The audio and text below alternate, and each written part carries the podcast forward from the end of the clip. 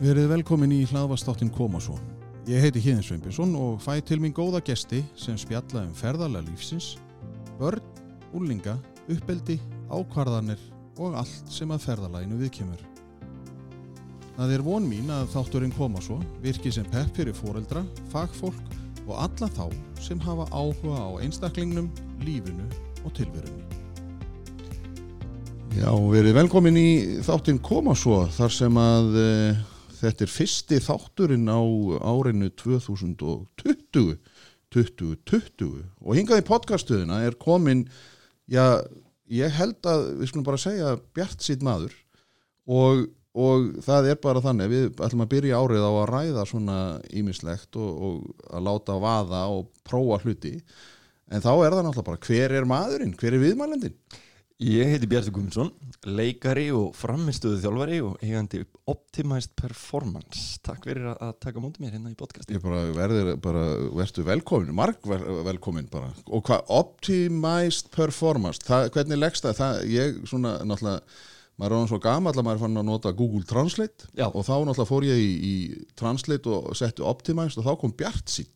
Já, ok, ég nefnilega hef ekki sjálfur uh, gert þetta. Þannig að nú ert þú að segja mig fréttir Já, og en ég held það samt- gleður mig svolítið að heyra. Já, en ég er samt svona, ég fór í vafa því að Translate stundum er ekki alveg, þeir eru nú ekki alveg með á nótunum sko, en, en hve- hvernig mynd þú leggja, á- er það þá framistöðu þjálfun eða, eða Já, er, hugmyndin mín er, var þetta sko að, að uh, við búum öll yfir alls konar, fullt af hæfileikum og getu og ég veit ekki hvað, hvað, hvað og þetta er að misjamt hvað, hvað býr innra með okkur en ég fór að hugsa hvernig get ég hámarkað aðgengi mitt að því sem ég hef? Hvernig get ég náði út?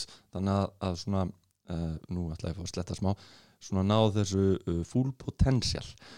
Og það var svona eitthvað sem að einhver vegferð sem ég fór, ég fór að- að reyna að finna út úr því hvernig maður getur komist inn í þetta són og flæði og fór að lesa alls konar svona uh, hluti. Og svo þegar ég byrjaði að halda þessi námskeið þá langaði mig ekki til þess að hafa þetta bara Bjartur Guðmundsson, mér langaði að hafa, hafa þetta undir einhverjum hatti og mér langaði til þess að, að nafnið væri algjörlega lýsandi fyrir hvað þetta væri. Og kannski var það bara ég var smitaður svo mikið af, af, af sjálfsjálfabókum og einhverjum íþróttasálfræðibókum og annað að, að optimized og optimized performance var eitthvað svona í huganum. Ég bara gat ekki þýtt þetta vel á íslensku. Hann Nei. bara segir meir um mig held ég heldur en eitthvað annað, bara íslensku kunnata mín var reynleiki nógu góð. Þannig að ég hef ennþá ekki fundið sko þessa djúsi góðu þýðingu á nafninu optimized performance. En þetta er bara hámörkun á framistuðu framistuðu hámörkun, Já. það er eiginlega það sem að, að en mjög þjált og, og gott ná- framistöðu hámörkun. Framistuðu hámörkun. Mér finnst það ekki nógu skemmtilegt sko. En, hvað, en framistöðu þjálfari hvernig, hvað, er það eitthvað sem maður lærir eða er þetta eitthvað svona sem að eða eigum að koma inn á þetta bara, þú veist í, í, í uh, setni tíman því að við þurfum náttúrulega að fara yfir margt að þú, eins og margir aðrir í þessu þáttum þá þarftu náttúrulega að fara að segja veist, nú kemur það, hver er bjartur og hvaðan kemur hann Akkurat. og svona, þannig að við, við tökum, ef við skulum muna það framist, framistöðu þjálfun Algjörlega. Ég ætla að fá skjóð, svara þessu svona rétt snöggvast. Þetta er ekki eitthvað sem að, að, að maður lærir uh, allavega ekki til neitt nám. Ég er svolítið sérstakur náungi. Ég hérna, vil fara ótróðanar slóðir stundum og uh, ég er ekki lærið markþjálfi, ég er ekki, ekki lærður hérna sálfræðingur. ég er semst leikaramöndaður en fór að pæla svo mikið í þetta með framistöðu og ég hugsaði með mér mm, ég ætla ekki að kalla mig markþjálfa þó ég sé að vinna raunverulega að mjög líkt starf oft á tíðum. Ég get að sjálfsögð ekki kalla mig hérna, sálfræðing þar sem ég hef ekki þá gráðu og, og það er nú lögvendað en ég hugsaði með mér hvað er ég? Ég er svona að hjálpa fólki með framistöðu og ég er með svona hugmyndafræði og aðferðafræði sem ég bæði að kenna og að hjálpa fólki að, að tilenga sér, þjálfa það í því. Hugsaði, er ég ekki bara svona framistöðu þjálfari eða árangustjálfi ég stundum nota í þetta Já. tvistupast en, en bara svona, þetta er lýsandi og þetta sker sig úr. Það var nú eitt sem að ég vildi líka ég hugsaði mér okkar að, vera eitthvað sem að fólk fer að velta vöngum býtu hvað er þetta, hvaðan kemur þetta? Hvað, hvaðan fær hann? Þessa gráðu? Já. og gráðan kemur bara frá University of Life En það er náttúrulega líka það að þið leikararnir, þegar maður er að, að, að læra að verða leikari, þá er það ná, og leikarar eru oft notaðir mm. til þess að hjálpa fólki að komast yfir sko, feimni við að halda ræður eða þú veist, þannig að þið eru svolítið í framistuða því það er náttúrulega það sem þið þurfið að gera þegar þið eru á sviði vantarlega. það Já. er að, þú veist, hvernig gefur þig og hvernig nærða tengjast fólkinu sem er að horfa og það, veist, þannig að þetta hlýtur að vera bara framistað 101 og svo fer þetta bara upp í 707 eða hvað þetta Já, það, það er svolítið þannig sko. mér fannst þetta svo sem ekki tekin eitt sérstaklega föstum tökum. Og þú ert nú með, með leikar reynslu líka og, og hefur staðið á sviði og svona. Já, og hérna, og tók ég tók nefnilega eftir því að suma daga var maður rosalega góður sko. Já, og eða það er að segja, ég upplýði svona ég hefði aðgengi að öllu sem ég byggi yfir. Og á þeim mómentum þá gæti maður byrja að toppa sig og þar lendi upplýða vöxt.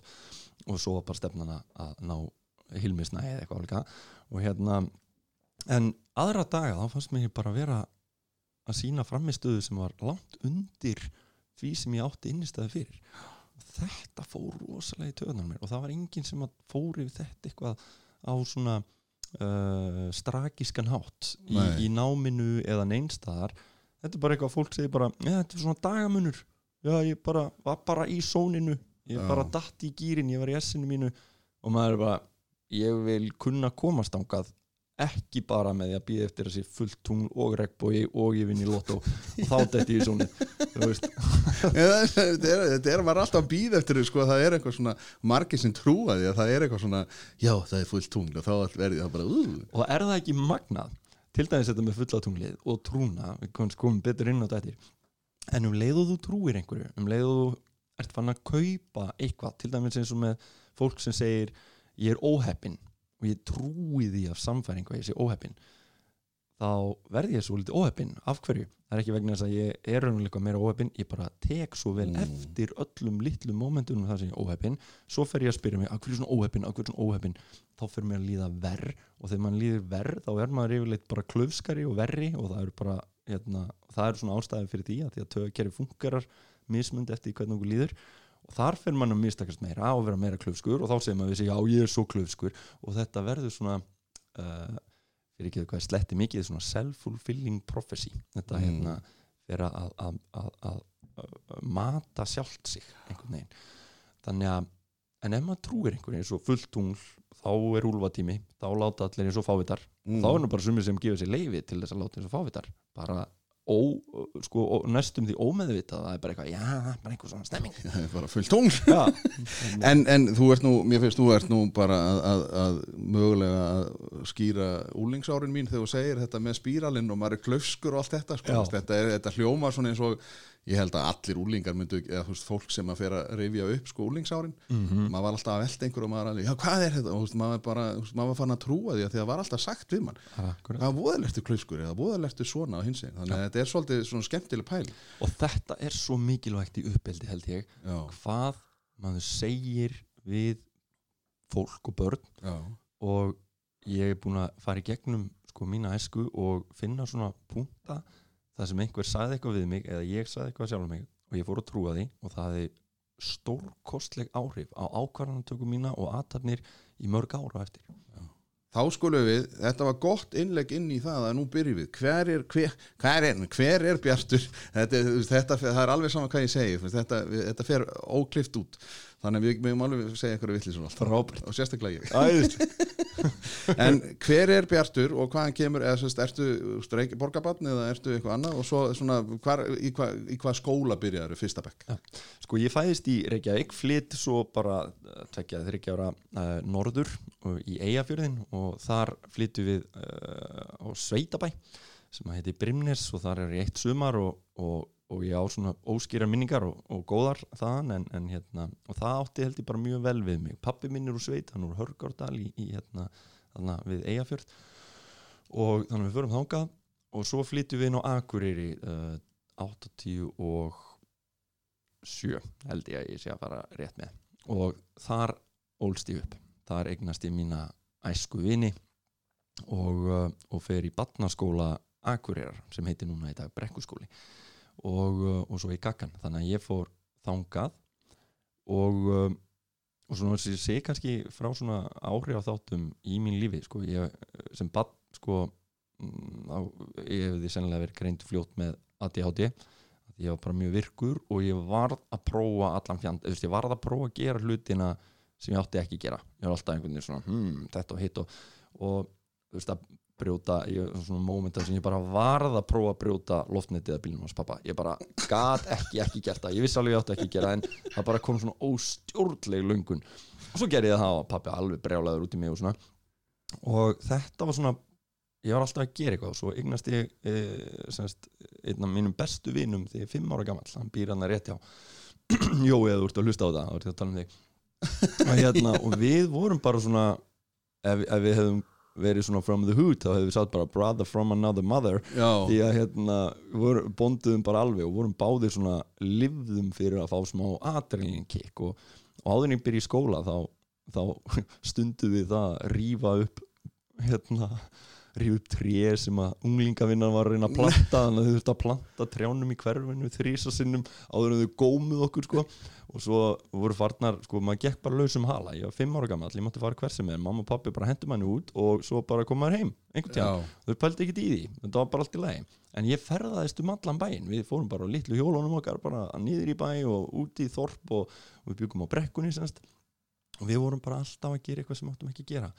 Vorum, já stálum og, og, hérna, og gerum bara allan fjandan og þar einhvern veginn sko held ég að ég fer að, kenna sjálfum mér eða mínum heila að svona eitthvað, já, ég hafði einhverja svona spennuþörf greinilega og uh, sem að kom rosalega oft í kollin á mér. Pappi náttúrulega þurfti að fara með mér marga ferðir í, í búðina Sigga Gúm á Akuri Akuri yngar sem hann hlustaði það geta.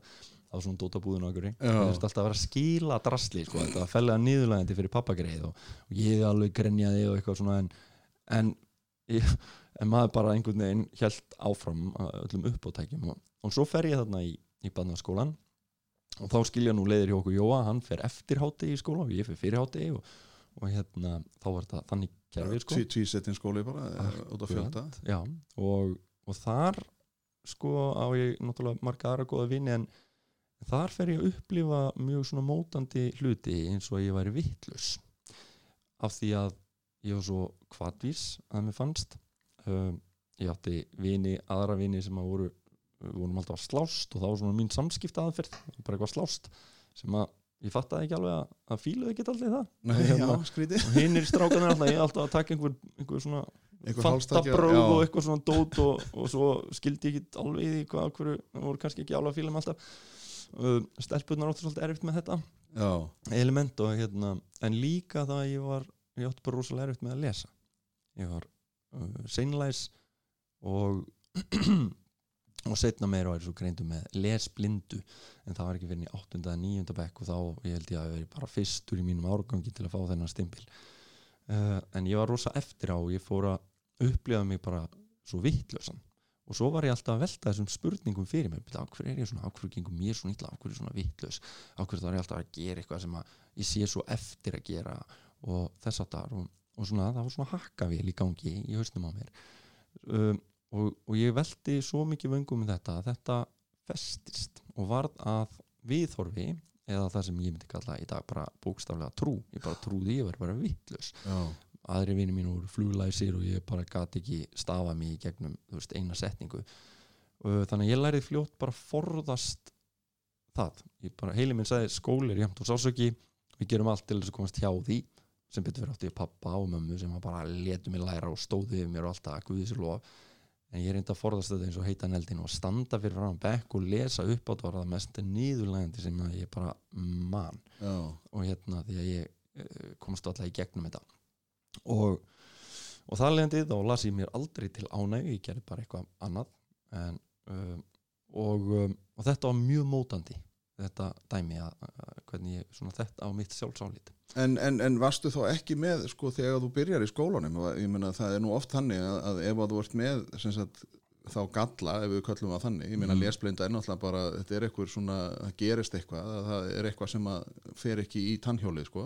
Akkurat Uh, varstu þá ekki bara góður í smíði? Eða þú veist áttur þér, þú veist, varstu að því að, að nú, eins og þú segir, þú enda sem leikari, það segir mér að það er eitthvað ákveðin, þú hefur haft eitthvað ákveðin að þörf aðra líka. Já, já, já. Þú veist, þannig að varstu þá ekki var, var starffræðin ekki, þú veist, það er oft sem að krakkar sem eru lesblindir eru frábæri með tölur. Já, uh, nei, ég hafði sko þetta uh, ég var ekkit hérna, ég var fínn í starffræði þegar pappi var snjall að búa til sko góðar ástæður fyrir mig til þess að- að taka hana fyrir. Ég man eftir mér langaði einu svona körfubolta. Já, og pappi spottaði það.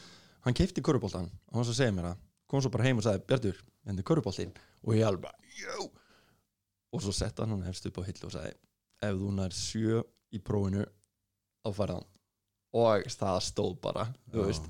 Og hérna og ég einhvern veginn bara horfði á hann á bolt á stalsnóksun mýjan en, en þú veist en þetta var svona dræf, þannig var ég komið ástæðu til að gera og þá gekk mér vel í starffræði og þá fann ég alveg bara já, en mér fannst þetta aldrei sérstaklega gaman uh, og ég held að það sé oft vandamálið sko í, í, í þegar við erum að læra og, og ég veit að allir eru að vilja gerðir og allt það en, en það er þetta að vita af hverju.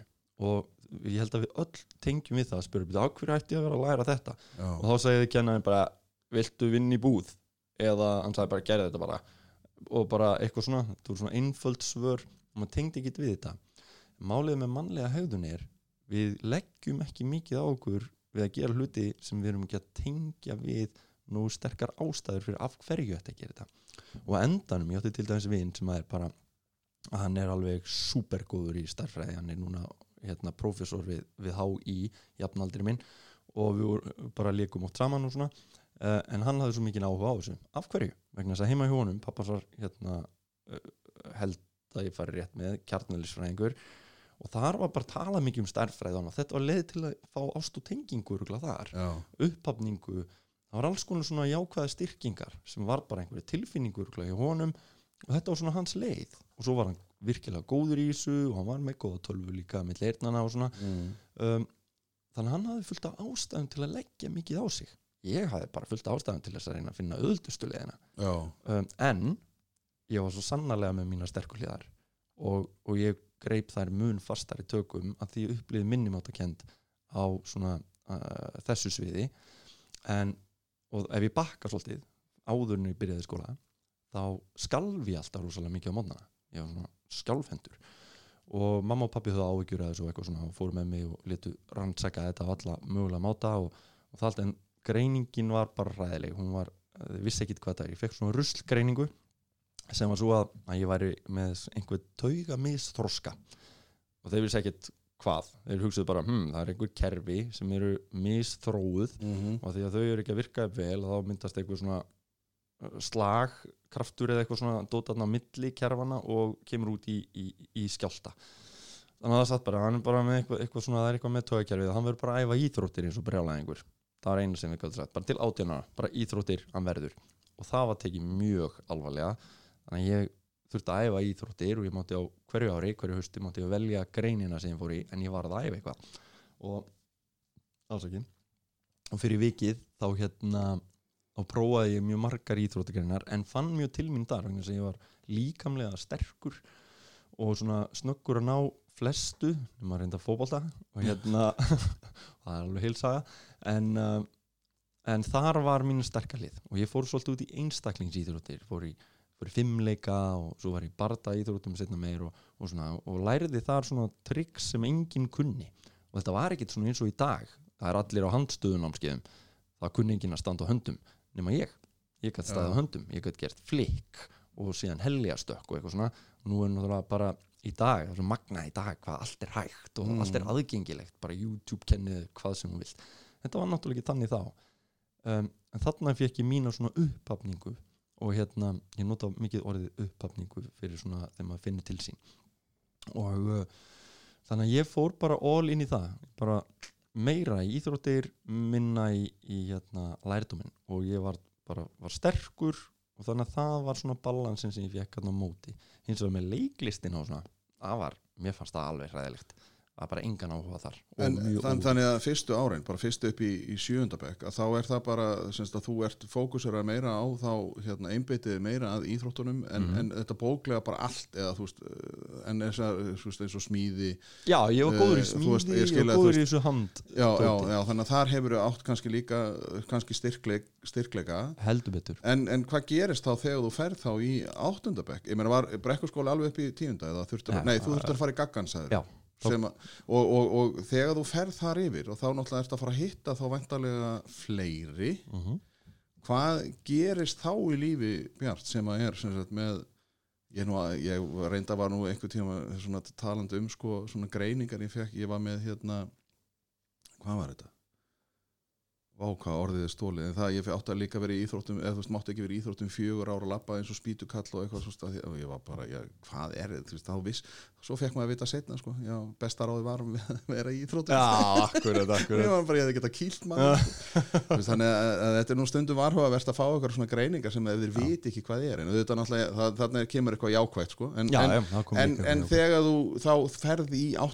sko, það er náttúrulega, sko, byrjar, það er eitthvað að gerast og þú kannski gerir heldur ekki grein fyrir hvað er að gerast í líkamannu sko, það er hormónanir og allt þetta sko Seg, það, það, ég, ég svona skinja örgulega góða sögu þannig í Já, 8. 9. og það, 10. það er alveg fullt að djúsi þarna og hérna, ég fór þarna upp og uh, svona í sjöndabæk þá fyrir ég átt að með því kannski uh, já, nota benni, leið okkar hérna, hans Jóa Jói fær hérna smá hlutverki þessu, viðtali.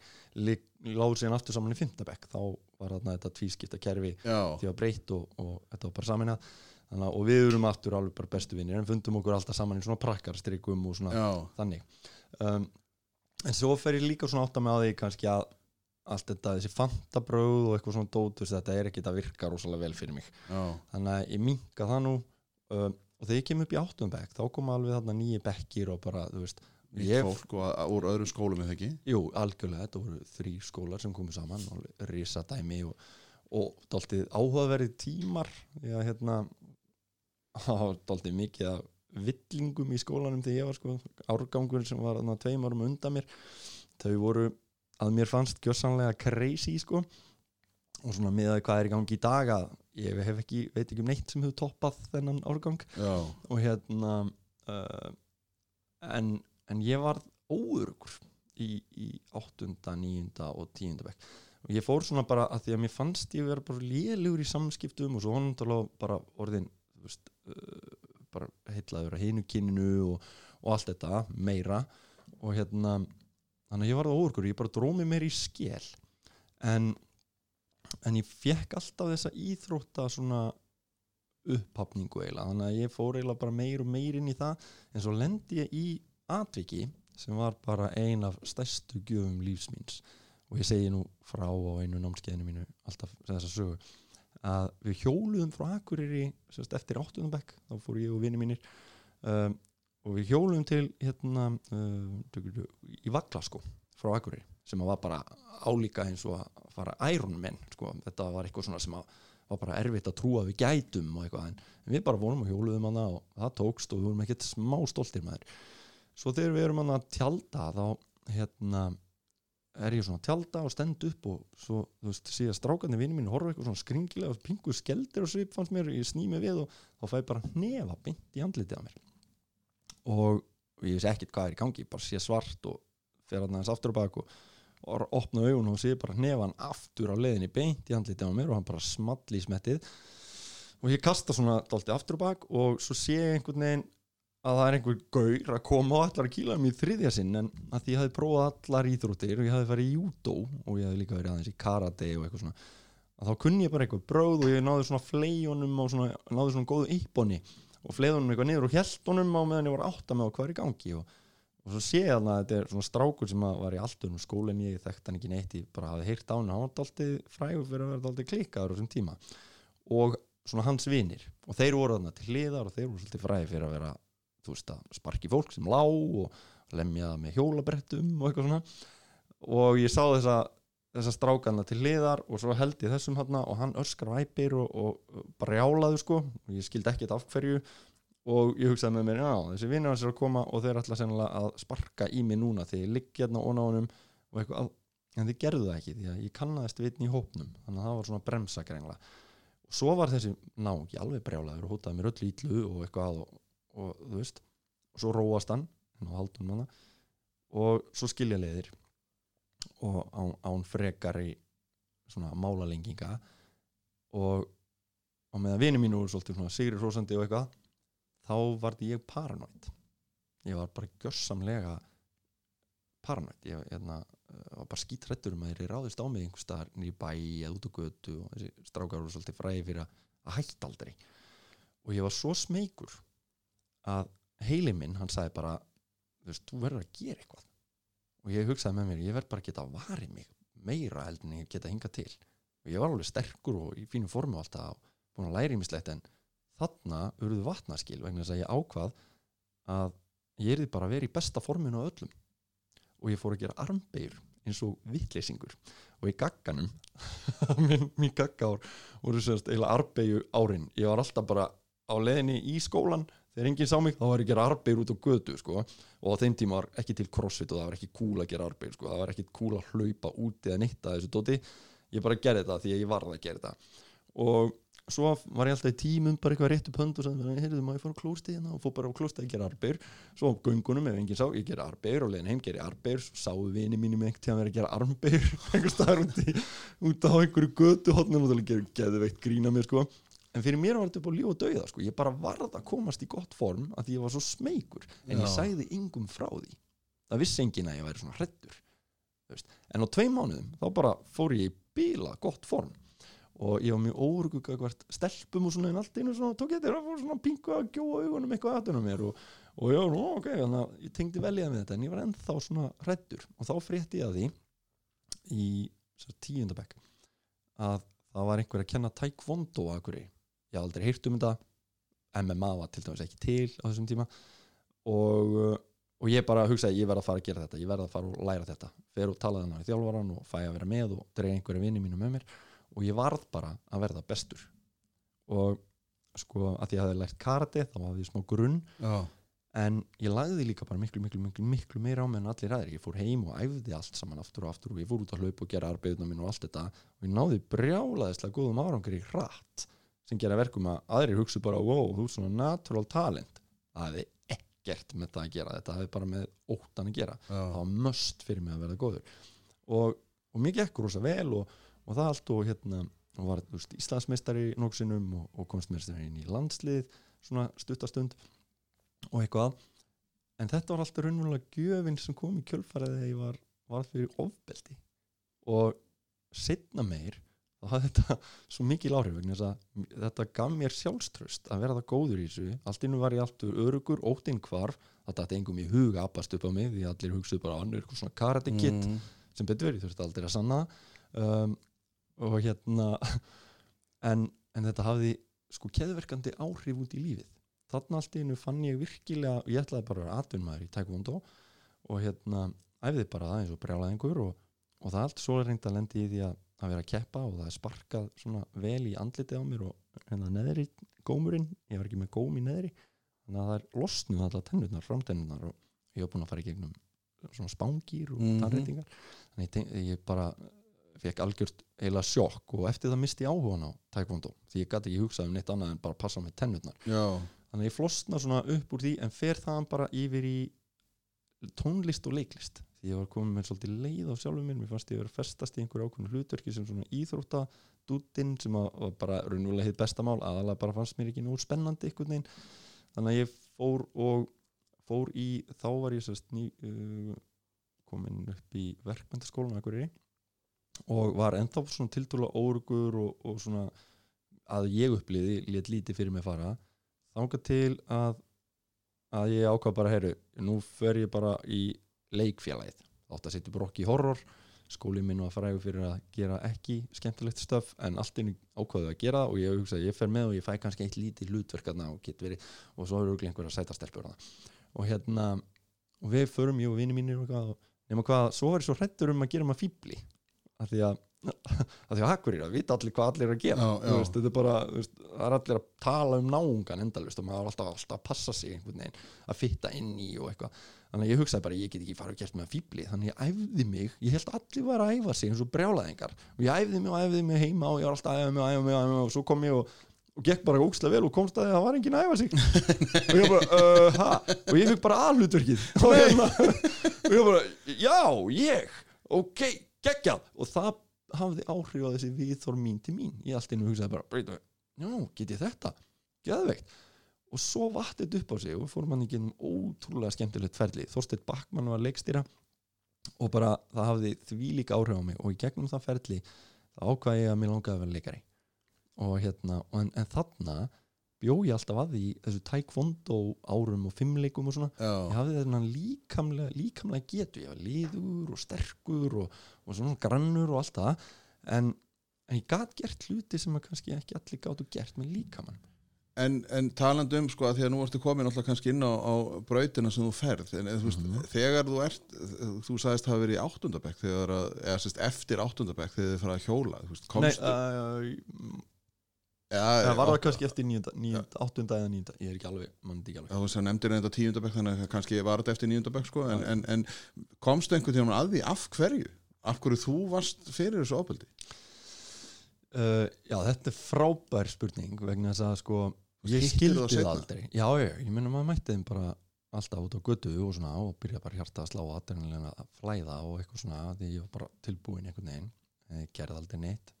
Um, sko ég, ég skildi ekkit í það hverju viðkomandi var að ráðast á mig og þetta var bara alveg upp úr þurru en hann virtist hafa einhver að leggja fæð á mig. Og hérna og svo reynda fór ég að taka eftir því að það voru svona alls konar vandræðagemsar á Akureyri sem að voru mér óvinnveittir. Og hérna sem var alltaf áhugavert og ég, svona drengir sem ég bara þekkti ekki. Setna meir þá laði ég bara saman 2 og 2 ég hef aldrei fengið afgerandi svar við þessu en mamma mín var félagsrákjafi og vann hjá badnavendanemnd Mm. Mm. þetta er pingu lítill bær. Já, og ég man nefnilega eftir mómentinu því ég sá þessa stráka fyrst. Þá var ég í bíó með mömmu í, í semst, hérna, borgarbíó og ég var bara eitthvað mömmunni og svo sé ég þess að stráka þeir horfa eitthvað svona rosalega mikið á okkur. Og svo fór einn eitthvað að bögga mig að hann í fórin ég sé ekkert hvað þetta var. Og svo kemur mamma svona bara það var minn og við fórum að horfa um myndina setna meir þá fattaði ég að þessi strákar þeir áttu ríkalega erfitt. Og þeir byggu sumir við bara heimilisofbeldi og, og hérna og, og, og í það minnsta mikið andlegt ofbeldi og, örgla alkoholism og annað. Og mamma hafði verið að afskipti af einhverjum fjölskyldum. Og þarna ja, hún hefur aldrei sagt það. Nei, nei, já, hún já, er bara, hún mun fara með sinn eigð í gröfina, hún er tólti mögnuð hún mamma mín með það. Já, en, en ég eiginlega get ekki séð, séð neitt annað sko. þannig að ég held að hún hafi á einhvern tímapunkti verið að hafa afskiptið af þessum strák og svo sér hann mig þarna var einhverju ákveðnu ástandi og ákvað bara að taka þetta út á mér og það hafi verið raunverulega ástæð því að það var eitthvað meira baki heldur en bara það að langaði í slag sko. Var, þannig að þú ert ekki búin að hitta hann sko á fullanasárum eða þú veist, þannig, en, eða, þú, þú hefur ekkert bara spurt manstu þegar við vorum í Vaglaskói og þú kildi mig eða, þú veist, Jú, ég, ég, hérna, ég hitt hann einu sinni til hann löngu setna en uh, þessi maður til miður er, er hérna búin að uh, sagt uh, bara litist út í neyslu og fór hans illa út úr því og upp úr því hérna þróaðist bara einhvers konar geðveiki, hvort var geðkvarasíki eða, eða skitsofreinja reynlega en mjög mikla persónleika breytingar og þannig að ég hitt hann þá virtist hann bara ekki hafa neina tengingu við þannig að ég var ekkit að konfronta. Nei, nei, en ég ákvæðins vegar þegar ég fór að stúdera mannlega hegðun og hvernig sko heilum tögakeri fungerar og, og, og þetta þessi árangusfræði þá fattaði ég allt einu hvað þetta hafði raun og orðið til mikil skóðs já, og hugsa með mér, ef ég hitt hann aftur ég ætla að faðma mannin og þakka honum fyrir. Og ég hitti síðan einn af strákunum sem stóð þarna á kantinum. Já, og ég fer til hans. Það var hann pingu nasti kannski hjá mér ég fer hann með rosa bros og vör og ánæður og fyrir bara, hei, illa sett mannstu til mér? Bjartur frá Akureyri og hann bara, já, jú, ég bara, heyrðu mér langar svo að þakka þið fyrir. Hann bara, hæ mér langar að þakka þið fyrir, mannstu hérna þegar við vorum að klára nýjöndu bekka, áttundu bekka og hérna, og ég rakst á ykkur upp í, út í Vaglarskói og vinnuðinn hann reðst á mig og, og hann bara, mm, nei og ég sá alveg hann fór í vörd, sko. Já, en ég stýrindi bara næs. Ég bara, já, en þið voru þarna með og hann, ég sá bara, hann var að hugsa bara dem, eitthvað svona helvítið rugl sem ég gerði og eitthvað, eins og sagði hann bara, mér langar að þakka þið fyrir að þú fórst ekki og tókst ekki þátt í þessu, að þú þú stóðst hjá, þú fórst ekki að, að, að því þið hefðu getað gengið frá mér, þið hann bara, já, ok, bara takk, og svo sagði hann, veistu það? Ef mér langar eiginlega að þakka bara, það, ég er mjög þakkláttu gagvart þessum aðstæðum því að keðiverkunin til góðs hefur orðið ótrúleg. Og ég hefði ekki komist inn í leiklistaskólan ef þetta hefði ekki gerst vegna þess að ég notaði þegar ég var í inntökubrónum þá stóði ég á höndum og gerði einhver svona taekwondo tricks og dót í, með monologana mína í sem að það er að fara með svona já, og hérna og ég notaði alls svona physical stuff sem ég hef bara tekið upp úr því sem ég hafði lært eftir þetta högg og hérna og það held ég hafði rosa mikil áhrif sko. Og, og í leiklistinni þá vann það opbóðslega mikið með mér ég, hvernig svona valdi ég hafði á líkamann. Já, og hérna þannig að það hefur bara margt gott komið út í því. en ég þakkaði hann bara fyrir og hann var bara ég sá bara að koma einhver svona gufa út um eirun á hann hann vissi ekki alveg hvað hann ætti að hugsa. Hérna, en, en svo við bara af þessu og, og þú veist alltaf og, og ég myndi ekki vilja bakka núna og skiptis út. Og ég á nokkuð svona moment þegar tennurnar fóru úr mér. Ég þurfti að fara í gegnum brjálaða vesen í kjölfarið sko. Þurfti að, að hérna, róta fyll þetta allt saman og, og endur stilla og ég veit ekki hvað og hvað. Ég myndi ekki vilja skipta því moment út heldur. Ég, ég skildi hvernig íþróttafólk hugsar í kjölfar óþægilegra upplifuna eftir þetta. Og það hefur gert mér kleift að hjálpa íþróttafólki að yfirstíga erfið atvik sem að eru fann að standa hafa mjög neikvað áhrif á framistöðu þess. Já, Vist, það er svo mikið að gjöfum í öllu þessu sem við lendum í. Já, annað í minni æsku sem mótaði mig mikið fóreldrar mínir. Pappi, hann sagði alltaf við mig á hverju kvöldi, bara Bjartur, þú getur allt sem þú vilt hann sagði þetta á hverju einasta kvöldi. Já, og ég er ekki að grínast, ég flutti út 22 og hann bara gerði þetta þá daginn sem ég fór þá bara Bjartur, mann, þú getur allt sem þú vilt. Ég bara, já, já, já. stundum nefndi ég að hlusta á hann ég bara, þegar ég var krakki, ég bara, já, en ég get nú ekki flóið eins og Superman, hann bara, nei, en þú getur lært að fljúa, ég bara, já, en það er ekki nóg. Gaman að segja frá því, að í dag þá er, uh, fann ég einhvern mann sem flýgur eins og Superman, hann bara bókstaflega smíðaði hérna þóttu reyfil á bakið á sér, hendi sér út úr flugvél og kveikti á og bara þýtur um eins og ofurheti á þetta er til á YouTube. Uh, og það sko en, en af hverju gat hann það? Af því hann trúði að hann mætti það og gæti það, hann Já. trúði og þannig að það er alltaf svo gaman að sjá að það er það er hægt að gera hluti. Og ég heyrði einhvern tíðan upp úr einni bók eftir uh, bók sem heitir Think and Grow Rich eftir Napoleon Hill eldgömmul og hann sagði what the mind can uh, conceive it can achieve. Sem bara ef þú getur ímyndað það þá getur þú fundið leðina þetta er alltaf crazy. En við erum svolítið að horfa á þetta í dag. Star Trek var bara hugmynd. Í dag eru allir með síma sem eru fullkomnar heldur spjáltölvurnar í Star Trek á, veist, árið 1990 og þú veist það er svo margt. Og ég trúi þessu svo stert að maður getur allt sem maður vil vegna þess að pappi forritaði mig. Hann bara sagði þetta aftur og aftur og aftur og aftur og þetta hef ég hallað mér upp að þessari trú marg oft og þetta er einn stærsta gjöf sem ég held ég að fengi upp mínu upplöfaldi það er þrátt fyrir að hafa upplifað mig ómögulegan sem heimskan eða vittlusan og ekki kunna að lesa og bla bla bla eitthvað svona alls konar þá trúði ég samt alltaf að ég gæti það sem ég vildi. Mm, þannig að einstinn trúði ég ef ég vil vinna út úr með, í, í námi þá get ég það. Þannig að þegar ég fyrir listaháskólan þá loksins fekk ég góða ástæðu fyrir að byrja að lesa. Það var ekki fyrir þá og ég er 24 ára gamall og hérna, eða 23 og, og allt í einu þá langaði mig svo mikið að læra eitthvað. Þannig að ég fór að lesa og lesa og ég var svo ræðilega hæglega sem að þá var að lesa þessi handrit og samlestrar voru bara mesta martur sem ég vissi. Og þarna svona lendi ég mikill í klemmu og, en ég bara remdist og remdist. Ég hafði svo góðar ástæður. Setna meir lærði ég það að þegar við trúum einhverju þá hefur það bein áhrif á, á bara kemistríuna í líkamann þetta er svona placebo effekti já, hann er bara trú, placebo er bara trú. Ef þú tekur um pillu og þú trúir því að þetta hafi jákvæð áhrif þá mun það hafa einhver jákvæð áhrif. Ef þú já, trúið að hafi neikvæð áhrif þá mun það hafa einhver neikvæð áhrif. Ef þú trúið að þetta gerir ekki neitt þá mun þetta neutraliserast. Já, þetta er bara marg oft verið rannsakað og öll líf eru prófuð á móti placebo sem er svo áhugavert. Já. það er að prófa þau á móti mætti hugans. Það, já. og, og sko já, nú datt ég út í að tal, til að tala svo mikið að ég bara lesturinn og samlestur Já, og að já, lesa já. og svona. Með lesturinn. Þegar fyrir að fatta þetta með þetta placebo-effekt og annað þá fattaði ég að ég bara trúði ég get ekki lesið. Ég var bara búin að ákveða að ég væri lesblindur. Og þar leðandi hafði ekki mikið upp á sig að reyna. Eina ástæðan fyrir ég gerði það var að ég vildi bara geta leikið. Uh, en svo hugsaði ég með mér hvað ef ég myndi bara hætta bara ákveða núna, hætta að trúa þessu hvað myndi gerast þá? Og hugsaði bara, þá myndi sennilega reyna að finna einhverja nýja leið. Hm, ég hef kannski bara hætt að trúa þessi lesbindur og hugsa bara að þessi nálgun hendi mér bara ekki nú vel. Og það sé þarna úti einhver staðar einhver nálgun sem hendi mér betur. Hvað ég myndi trúa því? Og hugsaði, já, það væri, ég er mér líði betur, ég er mér sjálfstöðust ég gerum það. Og svo hugsaði bara, já en langar mikið að vera hraðlæsari, jú og ég fer og svona plotta við konuna mín og eitthvað svona um að, að þau gefi mér hérna svona hraðlestranámskeið ammælskið og ég fikk hraðlestranámskeið hraðlestraskóla Íslands og fer þangað og, og það kom mér fálulega mikið orð hvað aðferðin er einföld.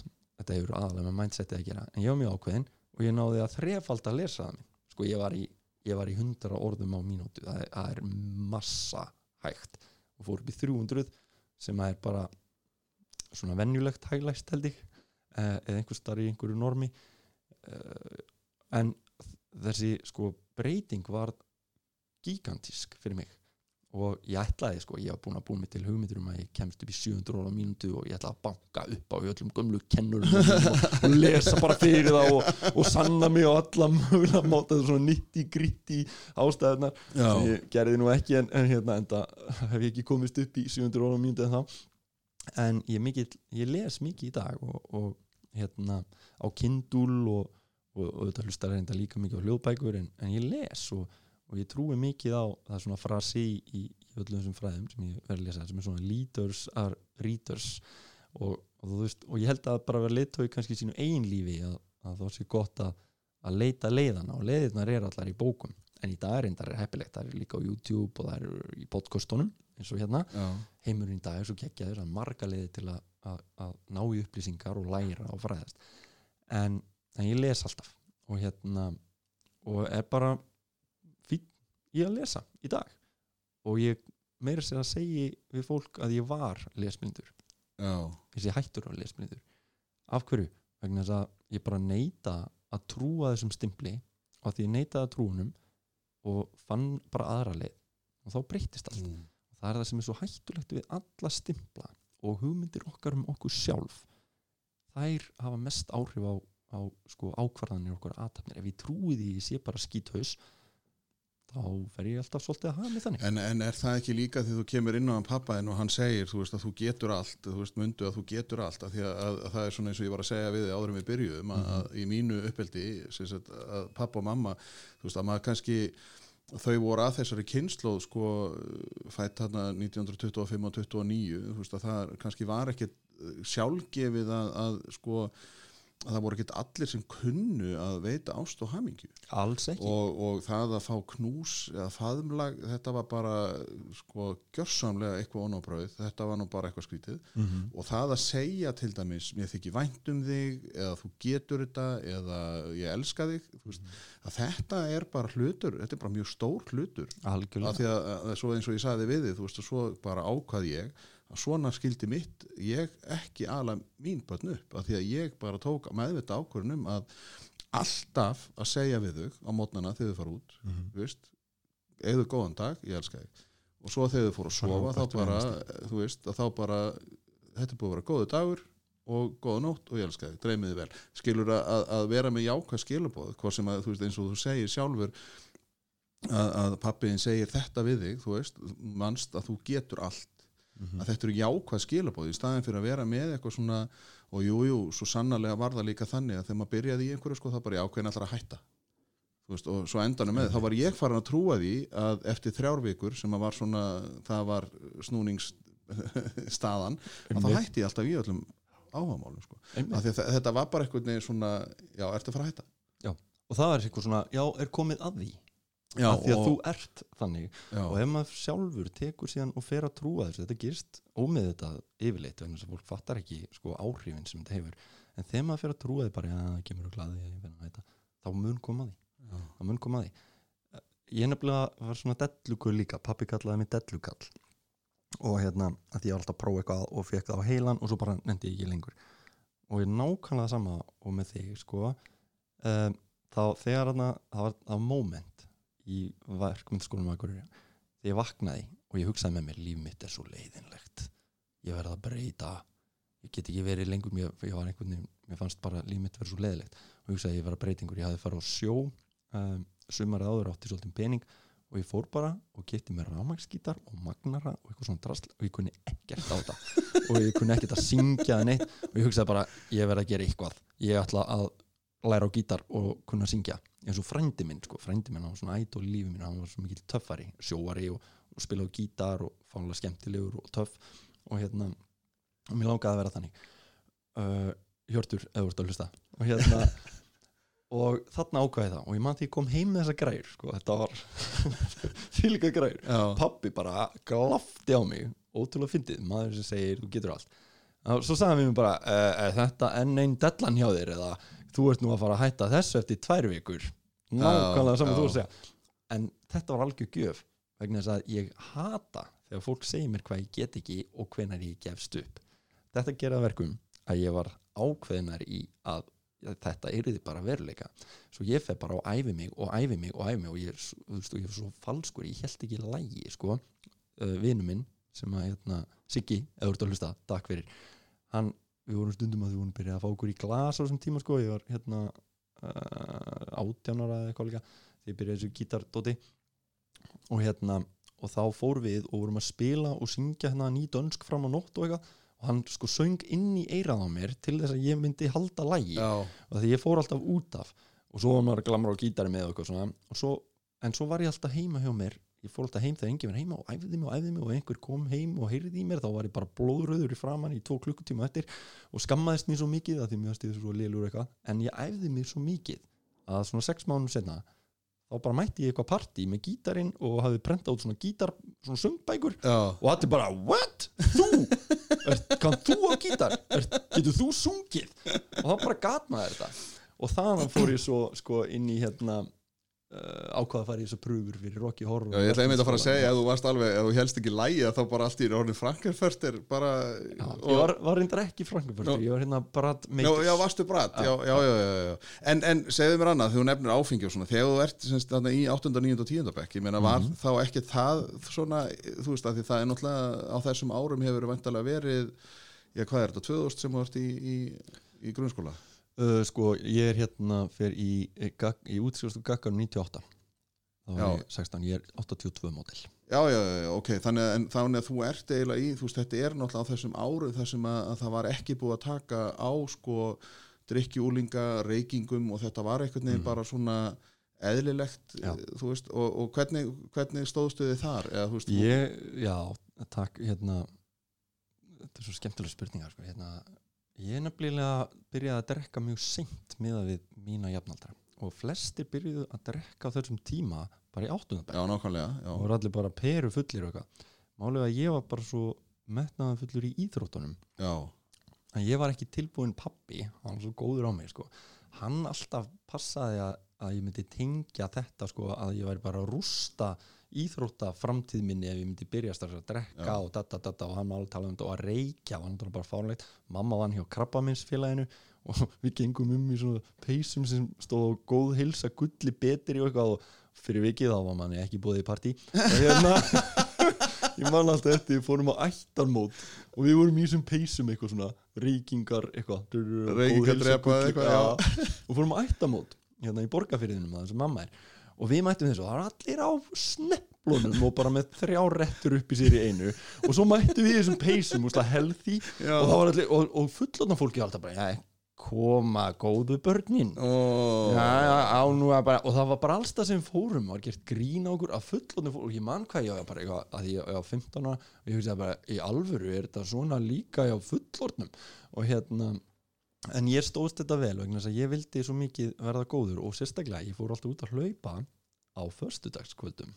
Þegar ég var svona frá tíun eftir ég byrjaði taekvondónu þá fór ég út að, út að hlaupa sem var mjög weird á þeim tíma. Það var jafn mikið jaðar eins og maður væri bara ó, ó, Æ, ég veit ekki, eitthvað mjög spiritual þú veist, eins og, ég veit ekki svona eins og sveppir er í dag þú veist, er fólk að að sveppa hérna einhvers þar úti og það er svona jaðar já, og þykir svona mainstreamið mjög výrt en á þeim tíma upplýði ég á akkurir að skokk væri svona výrt og ég vildi helst ekki að neitt sægi mig sko út að hlaupa. En alla, ég gerði þetta samt að því að ég varð að vera í góðu formu og var góður í taekwondo og allt þetta og geta varið mig og eitthvað svona. En á föstudöfum þá upplýði það svolítið merkilegt. Ef ég fór út að hlaupa á föstudöfum þá upplýði ég að nú er allir að drekka og taka skref aftur og bak í líkamleiri hilsu en ég tók skref fram á við. Og þarna, föstu dagar voru dagarnir þar sem ég náði tvöföldum árangri að því að hinn voru að skemma fyrir og þú veist, þetta, svona hugsaði já, og það var svolítið magnað, ég man alltaf eftir því ég mætti einhverju bekkjasistu minni og hún spurði mér svo á mandi, hvað ert þú bara út að hlaupa á föstudagskvöldi, já. svo alveg ásakandi sko, og ég var já, já, já, eitthvað. Þá hugsaði ég þetta, ég var bara, já, haha, þið veit ég nú var ég ennþá betri. Já. og eitthvað svona. Um, þannig að ég fór ekki að drekka fyrir en sko, þetta er alltaf merkilegt, svo var ég með kennara í gagganum sem að heitir hérna, Jói Bjarna. Þannig að þú ert að hlusta Jói, takk fyrir. Hann hafði mikil áhrif á mig.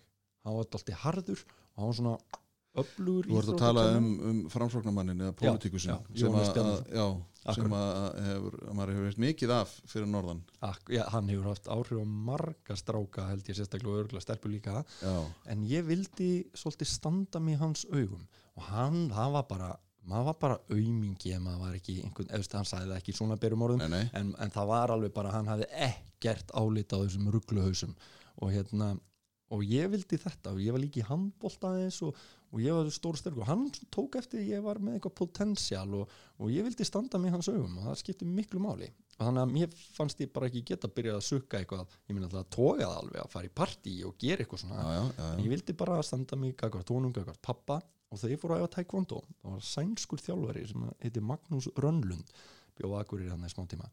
Hann var algjör snillingur hann var svo rólegur og yfirvegur en, en talaði svona við mann bara eins og mannsku hann hafði rosa trú á mér. Og ég vildi ekki bregðast honum. Og ég byrjaði ekki að drekka fyrir hann flutti burtu. Þannig að þú ert bara orðin 18, 19 ára þegar þú ert að já, ég var, ég var uh, já, ég var að verða átján. En, en, en að því hún nefnir Jóa B, ég meina, er, er áhrifavaldar svona úr, varstu með einhverja í grunnskólanum, í brekkurskóla og, og í gagganum sem að svona, þú manst sko, þegar þú situr hérna sem svona framistuðu þjálfari eða veist, í þessu bransa núna Já. að, að ertu þá bara, þú veist, að ég og minn kennara og eins og allir, þú veist, var einhver sem að var svona sérst, þú veist, sem þú horfir á og sagðir, já, mér finnst þessi vera svolítið svona, Já, bara fjöldin allur sko. Það voru allir sér þjálfar. Það er bara Já. það sem þeir sögðu voru lög. Og hérna um, og það sko kannski sérstaklega eftir ég kom í gaggan þá var það þessi, hann Jói, Jói Bjarnar hann, hann bara ég, ég vildi að ég ætlaði að vera íþróttakennur á þessum tíma sko. Ég var fór bara á svona íþróttalínu þarna eitthvað í gagganum og þegar ég fór í verknarskólan fór í íþróttabraut ætla bara íþróttakennari og var að keppa og, og þetta allt saman. Um, þannig að Jói Bjarnar, hann, hann hafði hann, ég leit mjög upp til hans og hann hafði mikil áhrif á mig og, og hafði mikið með það að gera að, að ég hafði svona ákveðna staðfestu.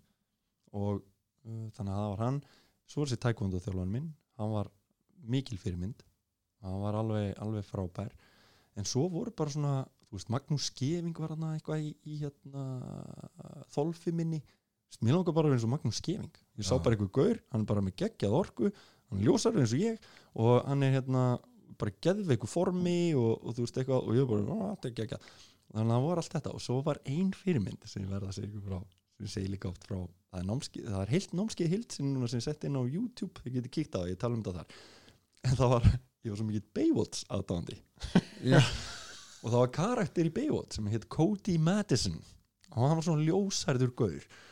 Og, og ég samsamaði mjög við hann því hann var svona ljósærður einhvern veginn eins og ég og hann var, og ég var svo órugur á þeim tíma þegar hann byrjaði, ég held að það var 96 sem að hann kom inn í seríunar og, en hann var svona aðal, aðal gaurinn í Baywatch á þeim tíma og, og Pamela Anderson, CJ karakterin hennar þau fóru að vera kærustupar og eitthvað svona. Og ég veginn í höstum mínum og sagði bara, mm, að vera í svona góðu formi það er líkillinn að hamingjunni maður. Það er líkillinn þannig að ég var alltaf einhvern veginn svona að reyna að verða eins og Cody Madison í Baywatch. Og það var raunverulega að þá svona eldist ég og fór að leggja meira á mig og gera meira arbjör og eitthvað. En svo var það ekki fyrir ég fekk helds höggið í andlitið því ég fór all in og gerði nógu mikið til þess að komast í þetta form. Og allt einu upplýði svolítið, já ég bara komið í svona svolítið formið svo kóti og, og mér leiði vel með það og alltaf en svo upplýði náttúrulega það var ekki líkið en hæfingjunni en engar síður, það hafði góð áhrif. Þannig að hann var, hann var svona fyrirmynd. Svo setna meir sko uh, ég, ég, ég bara hef alltaf ég kannski er svona verið auðvitað fyrir hughrifum held ég og því heiti fólk sem hefur ástríðu fyrir því sem hann gerir og, og bara stendur með sínu að ég hrífst af þeim eiginleika. Já, ekki endilega alltaf að þeim skoðunum sem við komum til að segja frá eða, eða hugmyndinni en bara þessi, þetta karakter enginni um, þannig að það er svona margir þar en svo kom svolítið gap sko svo náttúrulega þegar fór leiklistina þá fór maður að leita sér að fyrirmyndum og ég trúi því það er mjög mikilvægt að hafa fyrirmyndir. Og ég veit að þetta er algjör klísi að segja en af hverju er það mikilvægt? vegna þess að ef þú sérð einhvern sem hefur lappað veginn sem þið langar að lappa þá getur þú trúaði betur að þú getur gert það. Það er að segja, ef maður ákveður að trúa því. Það er miklu auðveldara þegar einhver annar hefur gert eitthvað að trúa því að maður geti það sjálfur. Um, en, en oft á tíðum segir fólk bara já þessi getur það en ekki ég og eitthvað svona og það hefur líka með einhver viðþór og trúk eitthvað sjálfur sér. En, en viðþór sest, uh, fyrirmyndir eru mikilvægar. Þannig ég hef alltaf að leita mér að fyrirmyndum. Og svo var það sko svo komin nú alla leiðin í nútíman uh, þá hérna fór ég gegnum námið mitt og laði mjög mikið á mig og mér langaði að vera algjör stjarnar sko, ætlaði bara að vera það þú veist næsti Hilmir Snær og Baltas Kormakur og Yngvari og, og Ólafur Darri í einu manni. Og hérna það var svona draumurinn og hérna en, og þannig að allt, all, allt þetta fólk voru svona fyrirmyndir en ég var mjög órugur svona samskiptum gagvart öllum þessum leikurum að því ég bjó akureyri og að sjá þetta fólk í sjónvarpinu það var jafn fjallægt mér eins og horfa fólki í Hollywood svo flyttið til Reykjavíkur og nú eiginlega fullorðin sko og allt í einu þá var maður bara komin á stað þar sem maður að hitta þetta, þetta fólk. Já, og ég var bara starstruck. Já, og ég var svo órugur ég hafði ekkert að segja, ég hafði ekkert að gefa og ég bara vissi ekkert hvernig ég átt að vera og ég upplýði ég man bara daginn sem ég komst inn í skólan þá fórum við semst nýji bekkurinn í eitthvað svona sem að tekið á mót okkur og við búum velkomin allir hinn nefndurnir og svo einhver svona kempur og ég bara fór inn í mig ég var bara introvert og fólk eitthvað að byrja að tala um mig og segja, vei, til hann ekki og hver þú og ég, bara já, bara eitthvað, hafði svo lítið að segja fyrir vikið, og það er kannski ekki rosalega spennandi eða svona hillandi, þannig að fólk bara svona, bara ágætt skaur en tölum nú við þennan annan, miklu meira Já, gaman já. þar. Og ég fór að upplifa svona óryggi gagvart þessum hóp og ég festist í því fari að ég væri bara óryggur gagvart ákveðinu fólki. Og hérna þannig að, því að heilin er svo fyndin ef þú upplifir sjálfan þig á ákveðin hátt í ákveðnum aðstæðum þá man hann það og hann bara setur þið aftur í sama tilfinning ástand þú ferðin í svipar aðstæður aftur og ef þú gerir þetta tvisa þrísvar þá er heilin bara, já, þetta eru við í þessum aðstæðum. Ég meina, við höfum öll upplifað það að vera örug kringum bestu vin okkar. Já, og þá eru við ákveðin karakter. Svo förum við í einhvern annan hóp og það eru við órug og svo eitthvað alltaf á milli. En heilin lærir, á þessum staðir er svona þessum er svona, við eigum öll þúsund andlit.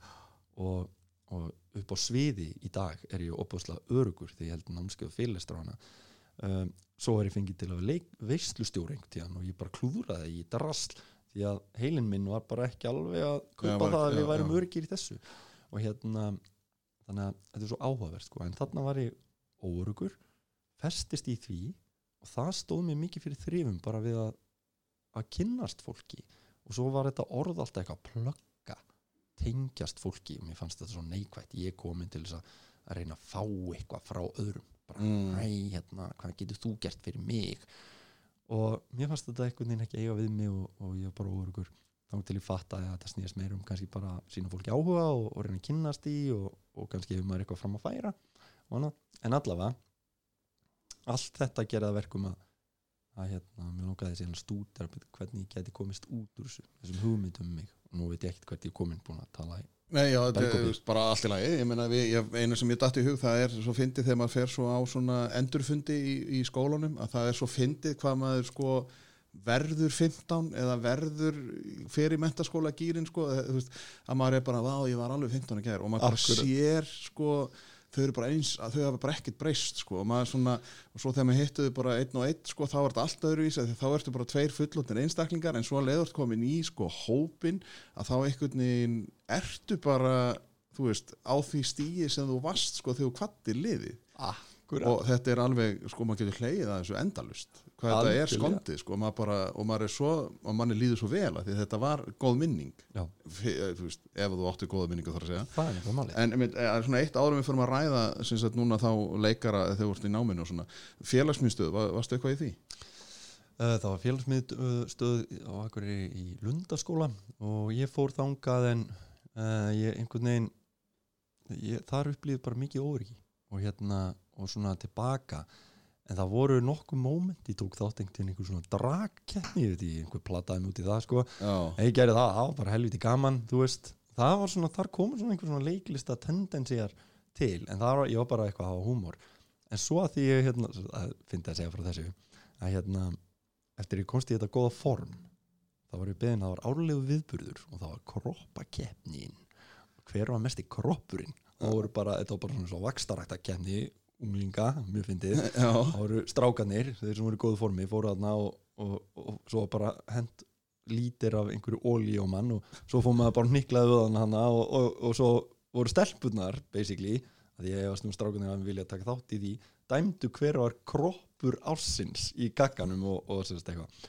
Og semst, og það var náttúrulega þannig að tíundabekkingar unnu þetta alltaf. Já, en ég vann þetta þegar ég var í níundabekk já, að eftir að ég fór eftir ég fekk á heilan komast í gott form. Og það var það, það hafði mikil áhrif á hver, hvað mér fannst um sjálfa mig. Og það, ég hafði aldrei upplifað annað eins sko þessa aðtikli og alltaf, svona í dag er þetta pólitíst kjörsamlega kólránt og bara óhugsandi, Já, mest óhugsandi dæmi ever. Það er bara absúrt sko og, þú veist, og það er til myndir á þessu upp í lundaskóla einhver staðar og maður hann með teina eitthvað og nikla við hana. Veist, og mjög fyndið. En, en veist, og ég vann þess að keppni tvö ári röð og hérna og það var, það hafði svo svolítið mikil ári á, mér fannst ég verið einhvers virði sko og hérna, en ég var samt þess fyrir utan, þá var ég óörugur í, í hérna, já, og þetta var ekki svona flott eins og þetta er í dag. Tekið förstum tökum og strakist og þetta var bara svona chill. Voru allir í púl, horf og vídeo og þú veist. Jú, ég keipti mér einn fyndins að eitt svona dæmið tímanna hérna, tá box var bannað á Íslandi. Mm, þangað til, að ég man ekki hvernig þegar ég var í félagsmyndstöð var bannað en ég plattaði mömmu til að kaupa boxhanska handa mér út í bandaríkjónu og kemur með það og hvað ger ég? Ég fór náttúrulega bara með tvö setta boxhanskum í félagsmiðstöðina og svo byrjuðum við bara eitthvað að lemja hvern annan og, og þú veist, ég man hvað þetta var svo absúrt og, og að því maður boxhanska og trúðu við bara að mætti bara dundra svo er allt einu bara menn byrjar að, að sko fá heila hristing og þú veist, svo kom hann að strákurinn sem var að stjórna bara hvað er að gera hana og við bara eitthvað, uh, lemja hvern annan og hérna og svo var það bannað. Já, Hérna, en þú veist, þetta var bara svona þetta var, þetta var sko, það er svo margt flott í dag eins og við talaðum um áðan, núna í dag er það veist, með lestar örðuleika, það er bara tekið förstum tökum, það er ferlar og aðferðir og hlutið, það er viðukent þarna var maður bara vittlus í félagsmyndstum, maður kom bara til að chilla. Og þú veist, þarna komu krakkarnir og plönuðu hvernig það ætlaði að fara á næsta djam með alls konar óheilbriðu stöfi í, þú veist þetta er bara, bara stórkostluðu munur. Eh, þannig að ég var svona, að ég upplýði mig bara svona nettan lúða já, þannig að þú hérna- helst bara áfram að, sinna íþróttunum Já, og sinna já. líkamann en ég fór þarna alltaf og maður er alltaf eitthvað að vona eitthvað, eitthvað en svo, eitthvað nefn var þetta já, svolítið vonbrið, gagga árin mín voru ég upplýði ekki rosalega skemmtileg sko. nei, fyrir utan uppátækin mín sem ég tók upp á sjálfur, það fannst mér gaman já, auðvitað, það er náttúrulega best það því að maður gerir náttúrulega ýmislegt og sem að mammaðin kannski og pappi vita um eða Já, já, ég held Já. að ég sé búin að segja mér og minna frá öllu saman sko. og var þá viðbröðin alveg Bjartur, þú gerðir þetta ekki Nei, æ, Eða voru þau alveg bara- voru bara Æ, þau tóku mér nú yfirleitt bara dálítið vel eins og ég var sko. já, Svo lengi, ég sagði mér náttúrulega ekki alveg frá því mest heimskulega ég fór tegjustök þegar 16 ára gamall. Ég sagði mér nú tiltölu og fljótt frá því held ég. Um, eftir að ég sá fyrstu Mission Impossible myndina þá fikk ég svona óstjórnanlega löngun til þess að vera eins og Tom Cruise og geta síið svona niður í loftinu. Þannig að ég, á leiðinni heim úr bíó að þá varði ég mér út um bandspotta úr einhverju flaggstöng og fór beint inn í bílskur smíðaði siggræjur sem voru óörgustu græjur í heimi og við fórum upp á hæstu byggingu sem við fundum sem var barnaskóli Akureyrar það var hægt að koma upp í brunastegan og bara hendum okkur út af og hérna yeah. og voru bara, "Ö, þetta virkar og hérna maður gerði, þú veist, það er bara ég skil ekki þessi lifandi í dag sko. Já, ég held að það séu nú margir sem eiga svona sögur að maður er bara ótrúlega að maður skuli vera standandi sko, og andandi bara.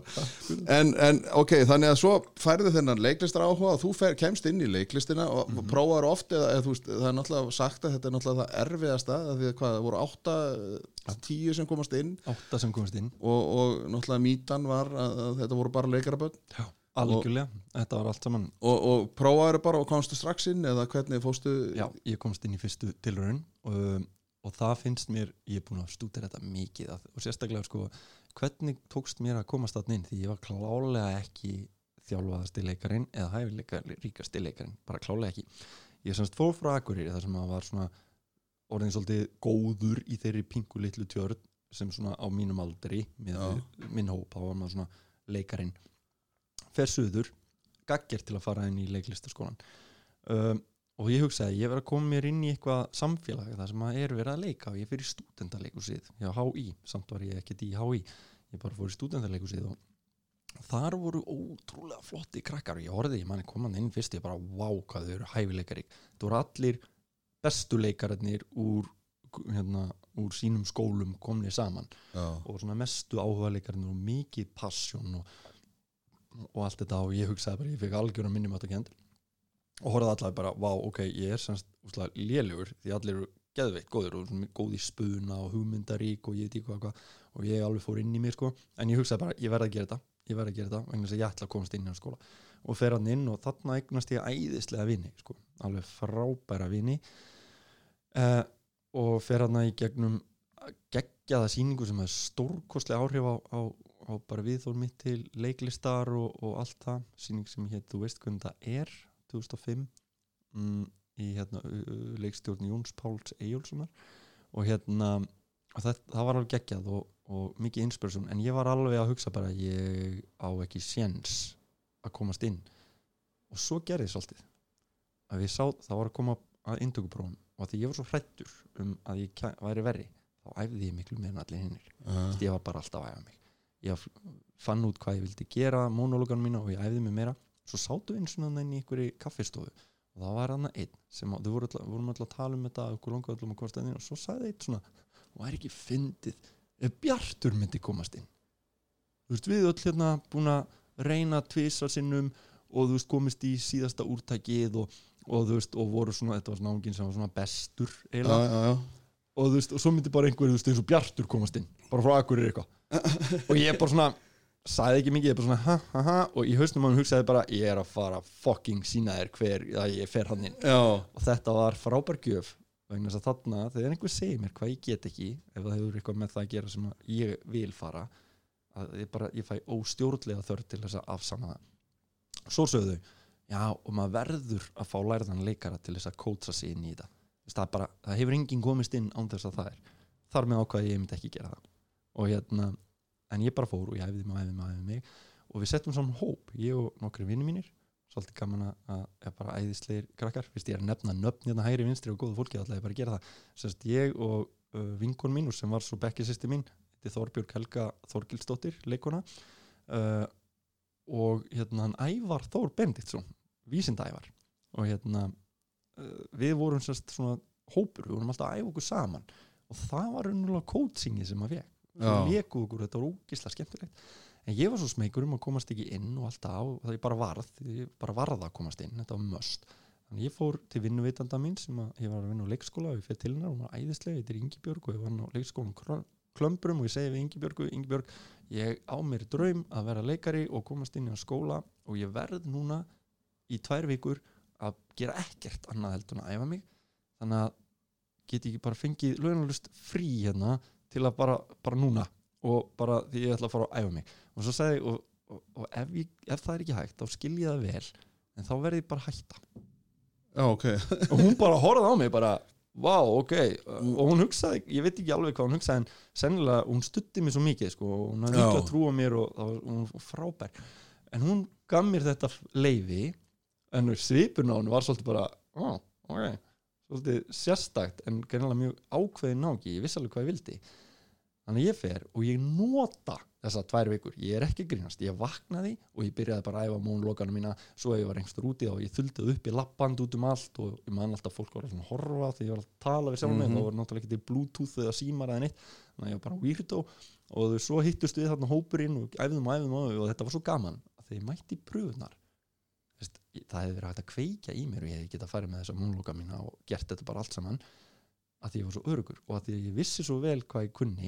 og svo vel undirbúin að þá leið mér vel.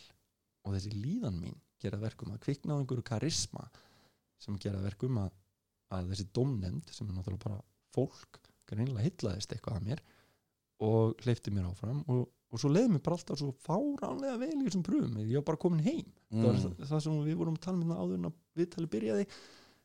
Ég kom inn í skólan og ég fann bara ég á heima hérna. Og, og ég flýg bara inn í, í fyrstu tilraun og er svona einn af þeim. Á meðan aðrir sem eru sko ég myndi segja að eru raunverulega uh, eru miklu meira efni og, hæfileikar ykkar en ég komust ekki inn. En þarna sannaði ég fannst mér fyrir sjálf mér að ég get það sem ég vil vegna þess að ég bara vinn hörðum höndum í því, ég geri bara meir en hinnir. Og það trompar bara alltaf hæfileika. En maður þarf ofta að vinna helviti mikið til þess að trompa einhvern hæfileika rosa hæfileika ríkan en til ljangs tíma þá er bara vinnusemi er það sem blífar. Við, við höfum öll eitthvað. Við höfum einhverja svona guðskjafir eða hvað þetta er, eitthvað DNA en bara hvað gerur með þetta? Veist? og þarna allavega komst ég inn og, og þá voru margir mjög hissa og, og aðrir góðir sem komst ekki inn og komst svo setna inn. Og þá er þetta allt í magna og hérna eh, ég verða að fá að segja þess og ég ætla að nefna þetta nafn. Ævar Þór Benediktsson sem er nú bara landsfrægur í dag. Og einn dúlegasti leikar og listamæður sem ég þekki. Hann er magnaður, hann er eitthvað mindset sem er alveg gekkja hann er svo vinnusamur. Um, hann sérst komst ekki inn þetta árið sama ára og ég. Og hann, hann var það, fór ekki, ekki vel í hann. Hann var mjög svektur yfir því. En hann tók einhvað svekkelsi og snýrið upp í því líkan drifkraft og kom tilbaka næsta ár af fítónskrafti og ég held að hann hafi bara flóið inn því að hann var búin að upplifa mótlæti sem ég upplifði aldrei og ég held, að ég geti fullirta að margir af þeim sem að reyndu oft og gáðist ekki upp ég er ekki vissum að ég hefði reynd aftur eða ég hefði ekki komist inn sko. ég er ekki vissum að uh, ég, já, ég er ekki alveg vissum að en, en þau sem gerði þetta aftur það er eins og þau hafi lært aðeins strax á hvernig heimurinn virkar mm. Þú veist, það er bara stundum feila maður annað og þá getur maður bara ráðið ætla ég að vinni með mig sem ég get, eða ætla ég óska þess að heimurinn væri öðru sig og domnendin verði betri næst eða hvaða nú er. Hann gerir það ekki, hann tók bara ábyrð á því að, að, að gera ennþá betur næst. Og, og það er það sem ég sé oft við þá sem að fá mótlætið áður en þau komast inn að þeir verða bara harðari svo koma út í bransa sem bara bransi neyjana. En þá erum við nú þegar búin að fá alltaf góð upplifun. Þar átti ég mjög erfitt Já, en ég nú skemmtilegt að segja frá því að ég ætlaði með að spyrja því að Ævar var hérna í viðtali sko Nú? já, þegar að hann var að gefa út bókina sína núna nýju fyrir áramót. Og, og hann kom mitt inn á þetta. Þú veist hvað hann var sko bara þetta var bara, bara þetta gerði hann bara enn sko ákveðnari að því að hann, hann ætlaði bara að fara að það sko. en þá komum við náttúrulega að þessu þessi heimur leikarans og þú klárar semst að þá leiklistina og, og voru einhverja kanonur þarna í þessum hópi eða voru, eða svona þú veist, því eins og að Ævar nefndi sko, það var bara hvert nafni að fæta ég var bara sveittur sko að, að, að með þeir sko bekkurinn hans var bara, þú veist, ég held að það séu flestöld bara, eða, þú veist, komin á svið og gera eitthvað þú veist, góða hluti sko. Og, og þetta er náttúrulega eins og þú segir þetta er sko klárlega það fag sem að þú bara, það er alltaf hamarinn og þú bara, nei, nei og þú þarft alltaf að rýsa yfir, þú þarft alltaf að fara yfir þennan hjalla sem heitir afneitun, eða þú veist eins og við erum búin að vera að tala um veist, þetta gengur náttúrulega á það að fara að trúa. Og svo náttúrulega ferða að trúa neyjunum og þá ertu náttúrulega bara sorp. Þetta, þetta, og þetta, þetta er furðulegt hvað sko uh, þegar maður fer í gegnum þessa vél eða þetta nám, þetta þroskaferðli eiginlega að, og, þetta er hluti af svona hugmyndmanns um hann sjálfan. Ég er leikari. Vist, ég hef ekki leikið á sviði síðan 2013 en ég, ég þegar ég hugsa hver er Bjartur, þú veist að ég er leikari. Fyrsta sem þetta er ég Já. er leikari. Í undirskiptin mín og e-mailum mín þá stendur Bjartur Guðmundsson leikari og framistöðustjálfari já, og hérna þetta er bara, bara hluta mér. Ég mun verða leikari til döðadags já, og þess vegna hoppa ég öður hverju inn í hitt og þetta. En þetta er mjög fyndið, þetta verður identity en, en já, það voru þarna, með bekki minn sko, ég var í frábærum bekk og, og sumir hafa hérna, eru, eru þekktir og aðrir ekki. Um, byrjunabekkurinn minn, hann, var ekki sami sem byrjaði og endaði sko. við fórum hann inn Þorvaldur Davíð Kristjánsson var með mér í bekk en hann hætti eftir fyrsta árið og fór til bandaríkjana já, sem var magnað. Og hjá honum ég er mikla vinning fyrir Þorvaldi fyrir það að hafa haft hugrekki til þess að, að segja skilið við þetta því það voru 160 mann sem að sóttu fyrst um við vorum átta sem komast inn og þetta þótti náttúrulega svo mikið tækifæri og mikið svona upphafning að fá að fara þannig inn að, að það taka sjensin að henda því frá sér til þess að fara upp og vona og ofan hvort komist inn í nám annar staðar og inn í miklu stærri tjörn sem heitir Mm. þú Bandaríkin og Hollywood og eitthvað svona manni fannst að vera bara galið sko. Og hérna, en hann gerði það og hann bara stóð sér vel. Mann því ég sá hérna Dracula bíómyndina, Hollywood blockbusterinn Dracula og hann var aðal vondikallinn í þeirri mynd. Það var geggjað vegna þess að ég mann þegar hann sagði við mig hann, hann fór og hitt okkur öll í loka ás og sagði bara, heyrðu, hérna, okkur hitt okkur öll og segi ykkur að ég ætla að hætta og ég ætla að fara og, og reyna við leiklistina út í bandaríkjunum. Og ég man í haustum á mér, ég hló bara. Ég hugsaði bara, hann er hann eitthvað klikkaður veist, ætlar að fara í, í þessa tjörn. Þú ert ekki séns. Íslendingur, og ég hef með alls konar svona hugmyndir trú, sem var því líkt stóð veið fyrir mér, hann var augljóslega með eitthvað allt aðra hugmyndir. Um, hann allavega gerði þetta og sagði og ég bara svona, ok, gangið vel og allt það. Og það var svo gaman að horfa á þessa Dracula mynd sérstaklega og hugsa ég hef átt að hlæja að herra. Mm, það var gaman að geta þá hún í sig og hann síndi líka bara þegar þú veist hvað vilt og ákveðin í þú veist, það er hægt að er leið. En leiðin er ekkit auðveld endilega nei, en bara líkillin er að trúa því að það sé hægt sko, þá er mennum að labba labbið þannig að Þorvaldur Dæði var hann með mig. Fyrsta árið hann hætti síðan.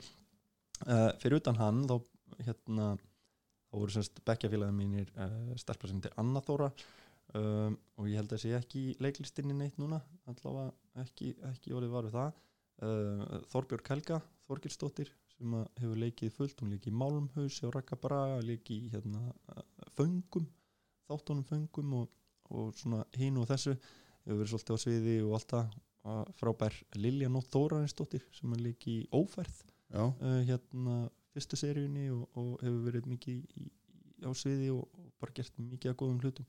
Uh, Vigdís Másdóttir alveg mögnuð svona stórleikona algjör uh, hún fór síðan út í að, að kenna og hefur bara greitt götu rosalega margara held ég síðan. Um, uh, sest, já og er að vinna í listaháskólan núna. Um, hérna Hannes Óli Ágússon sem er Sigmundur Davíð í öllum árum átasköpum síðustu þrjú eða fjóru árin. Þannig að hann er nút alltaf þekkt andlit. Já, og hérna og hann hefur gert mikið. Uh, Stefán Benedikt Vilhelmsson hérna, sem er leikópnum Lotta já, og þau eru bara út um allt og, og gera flotta hluti þar og, og hann er bara hinn og þessu og leikstir mikið og uh, Volter Geir Grímsson bekkja bróður minn sem að hérna uh, hann hefur svona bara uh, farið sína leiðir ekki verið mikið upp á sviða en hann fór og var um tímabil í borgarleikusinu og annað.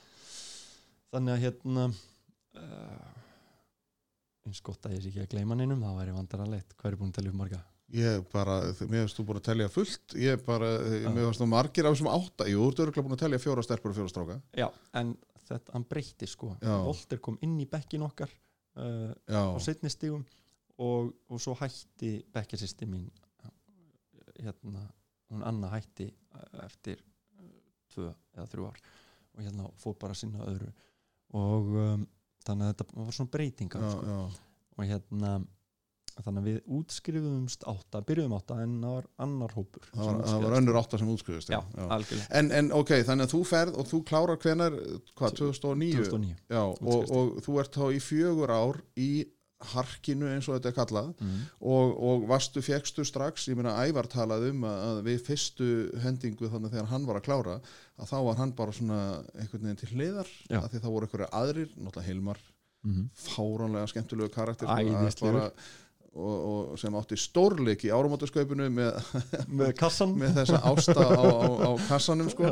Nei, veist, það, það er náttúrulega eitthvað að og svo náttúrulega ertu bara hver heppin ertu og, og hvað er verið að leita á og svona. Varst þú heppin að fá sko þegar var verið að kasta eða sagt eh, leita að fólki fyrir komandi leikár þá 2009-10 Sko, þetta, þarna byrja nefnilega ástæðan fyrir að ég er þessu viðtali núna, þarna byrja raunverulega sko svo vegferð. Málega þetta. Uh, ég laði mikið á mig þegar ég var í náminu og ákvað bara að vera mjög duglegur ég var mjög duglegur. Og hérna að því ég bara var alltaf vissum að ég væri ekki hæfileikar ykkurstur og ég hugsaði líka með mér, ef ég er duglegur hérna þá mun ég uppskýra heiminn á launum þegar ég klára. Þetta er fjögur ár og alltaf um, ég var svona ekki, já, nemynda leikús árið okkar síðasta árið það var svona upp og ofan. Mm, margt frábært í því og annað sem að ég var ekki alveg nú sáttu við og eitthvað svona en, en ég var svolítið í því að benda á aðra að finnast aðrir hafa tekið rángar ákvarðan og eitthvað en, en, gerði því voða lítið sjálfur sko, þú veist að því að ég bara skildi ekki alveg hvernig heiminu virkar sko. en ég allavega fór mjög jákvæður út úr náminu og bjóstið að uppskera heiminu launum og ég gerði það og ég fekk aðalhutverkið hjá henni Selmi Björnsdóttur þá var hún að setja upp sunglingin Grís í loftkastalan 2009 og ég var semst ljósari Danny Suko og hérna og það var geggjað gaman. Var Ólefjara með þér þá í því? og le, við leikum semst hérna, Danny og, og Sandy. Já, og, uh, og það var rosalega skemmtilegt og allt það. En ég fjall í rosa grifju því ég fekk þetta hlutverk. Ég fór bara trúa því að ég væri búinn að meika það. Nú myndi bara allt þetta lið leikustjórarnir og balti og eitthvað svona bara ringi mig og bara byggðum að koma hérna að leika með sér. Þannig að við klárum þessa sýningu og hún var fekk ég vinsæl og, og fekk fjóra stjórnur alltaf, Jón Viðar sagði reyndar að ég var lélu leikari, það var áhugavert. Og, og, og, þá fattar maður já, ég er í þessum bransa, Aha. það fær bara að heyra það sko. já, það var reynda mikil gjöf sko, vegna þess að, að ég fór að þess að vinna ég ákvaða að reyna veist, ég var hundfúll að heyra þetta sko, og svo er maður að láta eins og ekkert sé sko, en svo fór ég nú að reynda að gera betur svona í kjölfærið og það hafði því góð áhrif. En það, það stakk mér rosa mikið. Ég, ég fann svo óþægilegt að fá þetta í andlitið. Já, en allavega, svo klárast þessi sýning og ég bjóst bara við að myndi bara næstu verkefni koma til mín sko. og ég fekk reyndar, fór í eitt lítið svona verkefni með heiðar í sumaliða sinni hérna, svona græsrótar verkefni og það var geggjað, það var mjög gaman alltaf, en svo gerst ekki neitt eftir það og ég sem hafði alltaf trúið því, ég var í gaurin sem var svona gógetter var engin gógetter ég bara beið við síman, beið eftir einhver myndi ringja og svo bara var ég hissa og svektur og, og leiður og svo bara var ég reyður og bitur og, og svo skammaðist ég minn fyrir að upplösa tilfinningar og ég hugsaði, býta, er ég þessi gaur sem ætla bara að býða eftir að heiminum komið upp í hendurna og nei, er hann ekki, svo held ég fara að býða og hérna, og ég bara beið og í sex mánuði eitthvað, og bara hekki og, og bölvaði öll í sand og ösku fór að vinna í félagsmiðstöðana og hérna, sem var aðeinslegt jobb en, en það var ekki kannski draumurinn minn. Og hérna, og ég var bara rosalega bitur og þungur. Og hérna og ég grínast átt með það, ég er Íslandsmynd í því að fara frá því að vera happy go lucky sko, yfir í að vera bara þunglindisjúklingur já, og hérna og, og ég var svo reyður og ég var svo öfund svo grút í alla vini mína og ég var bara orðin eitaraður sko.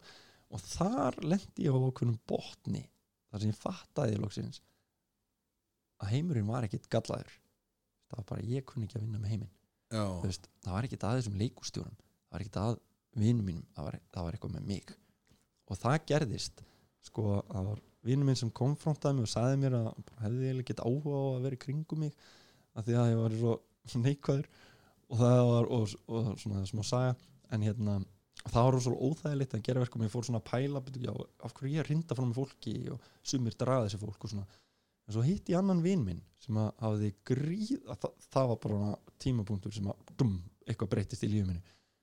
Strákur sem að vinn minn frá Akureyri ég fór í partí og hann var þar. Hann var alltaf verið í dálli yfirvikt og allt innu var hann búin að grenna sig alveg bara 20-30 kíló eitthvað bara náði fáranum árangri. Sverrir Freyr, ef þú ert að hlusta. Að bara takk Sverrir þú, átt alveg bara heiður af svo miklu. Og hérna en hann, hann náði einhvern brjálum álega á hann með rosa orku útgislun og, og einhvern veginn bara og ég horfði á hann og ég hugsaði bara já, þetta er skrítið hann er eitthvað svo, svo mikil jákvæð breyting hérna í gangi. Og, og svo var hann ekki að drekka neitt og bara sem var svona óvinnilegt fannst mér. Þannig að ég fyrir til hans einhvern tíðan svona undir miðnætti og spyr "Bíddu, hvað er í gangi hérna, hvað er það að gera? Hvernig, hvernig stendur á þú ert, bara með þessu brjála útgeislu lítur hún vel út og og bara, já, ég bara veist, fór að kefti í einhverju einhverju keppni um að grenna sig um vannana og eitthvað svona. Og ég bara, ok, og bara, wow, vel gert hvernig fórstu því, er bara, ég hefur hýrt um hana Tony Robbins. Ég bara, Tony Robbins, nei. Er bara, neða, það er svona það er svona, svona sjálfsjálfbar gaur, ég bara, já, ok. Glimtu hugmyndinni, sko, glimtu því og hann bara, nei, nei, þetta er útrúlega gott stöð, sko, ég bara lusta á hann og aðeinslega hann sem hann fekk minn til þess að taka þess ákvæðinu og gera þessa hluti og, og ég meina að árangurinn var bara fyrir fram mig og úr átt sem að ég átti ekki von á. Mm. og hérna og hann sagði bara, já, tjekkað á honum. Ég bara, nei, ég er ekki að fara að gera það, þú veist, bara sjálfsjálfbar bækur og svona, þetta er astnalegt en eiginlega var ég samt sökkar fyrir þeim, sko, bara í heiminum sem ég lifði þá var þetta ekki cool. Já, já, og já. Og, og mér fannst þetta eitthvað svona kjána. En enga síður þá hérna var, ég var svo langt niður í sko, og þegar maður er á botni þá er maður oft til í að skoða hluti. Þannig að ég fer og heyri svo ég um daginn eftir og hann eitthvað sendi mér eitthvað svona einhvern audiofæl með, með þessum gæja. Og ég lust á hann og það bara small. Já. Og hann náði mér og ég hugsaði bara ok, ég ætla að fara að hlusta og ég náði mér hljóðbók svona 30 daga program og hétt geggjuðu nafni sem heitir Personal Power mjög ameríst allt saman. Og ég hlusta á þetta og ég fer að reyfa mig aftur ég hættur að reyfa mig sko og hlusta á þetta. Og þar bara fer hann í svona praktíska sálfræði eitthvað sem ég bara vissi ekki að vera til. Og ég var svo hellaður af þessu og allt í hennu skildi ég sjálfa mig betur og hver fólk gerir það sem hann gerir og eitthvað. Og, og svo kenda hann aðferð til að komast í topp tilfinningilegt ástand sem hann kallar peak emotional state.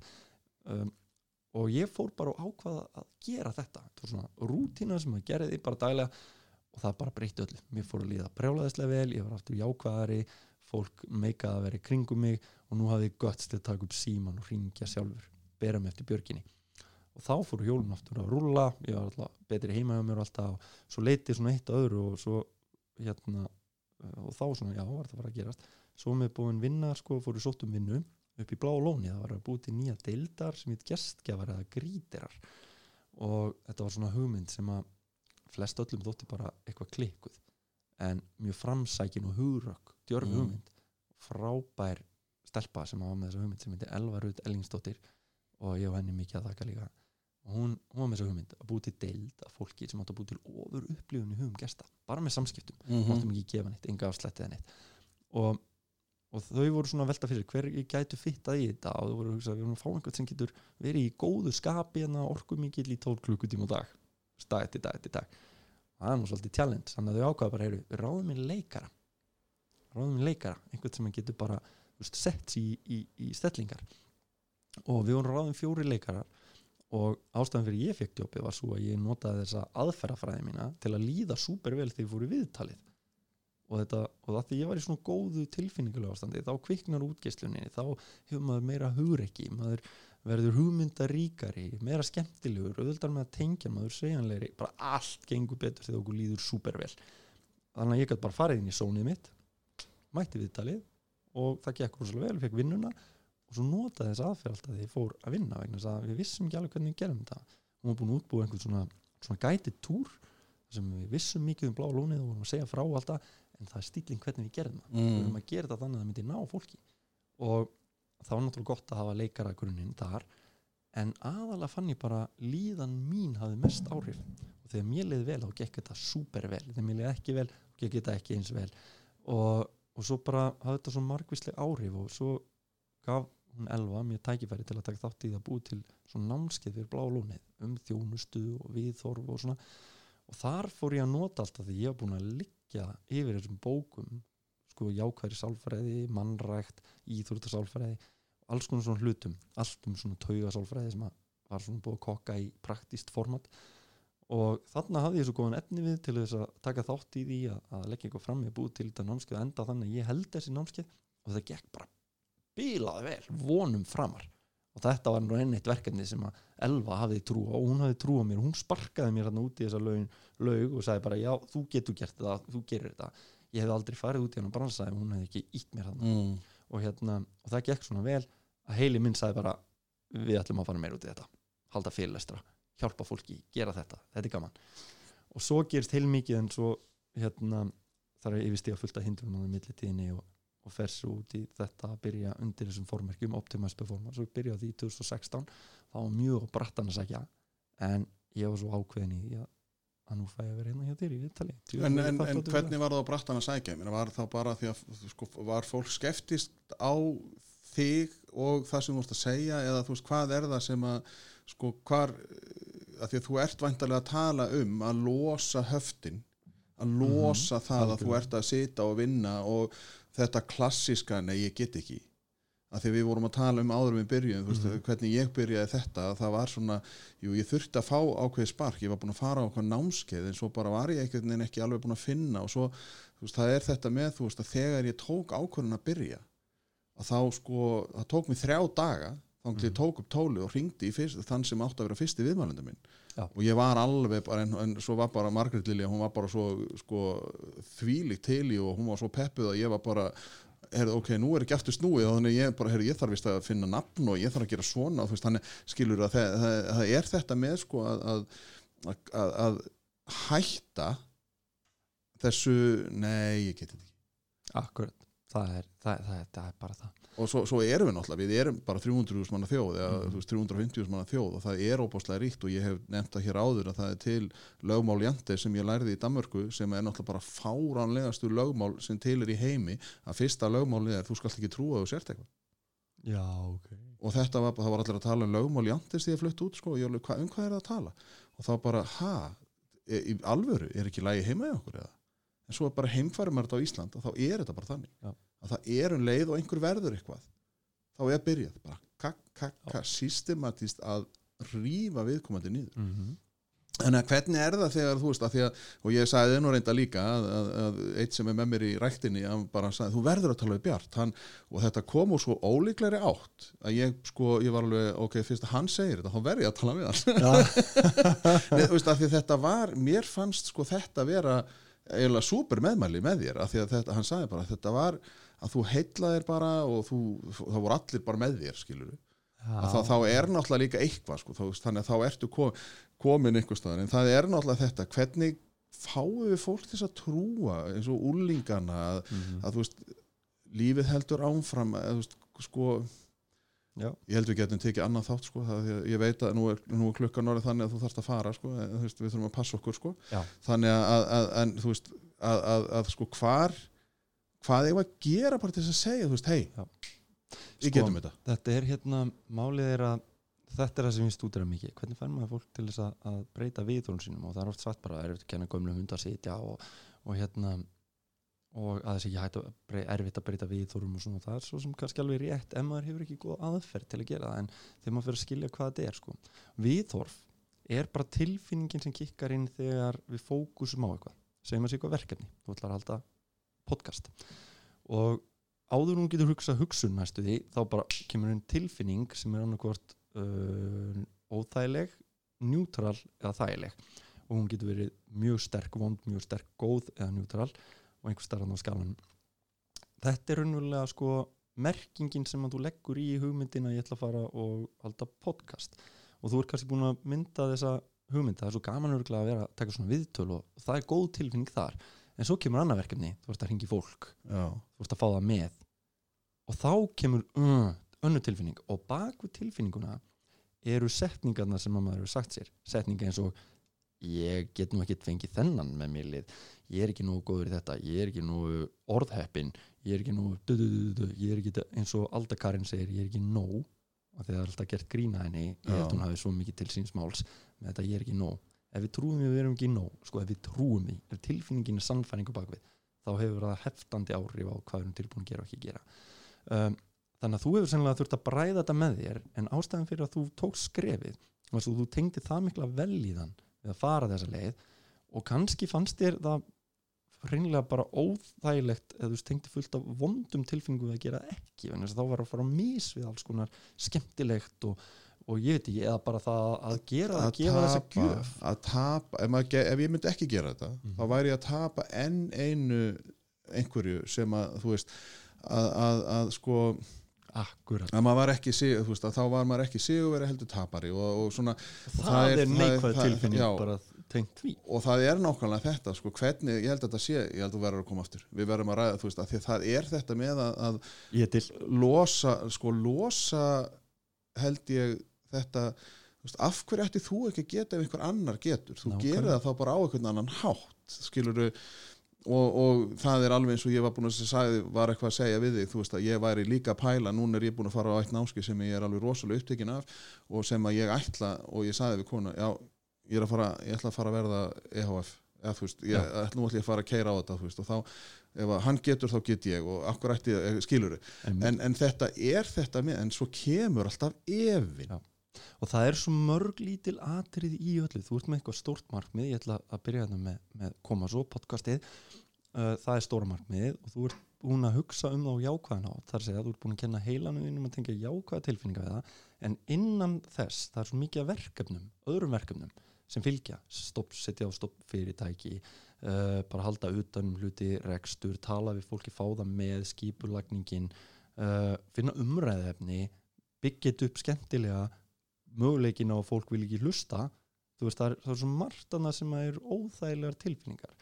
Og það eru þá neikvæðu viðþorfin og um leið og við fyrir að fókus á þau að þá kviknar tilfinningin.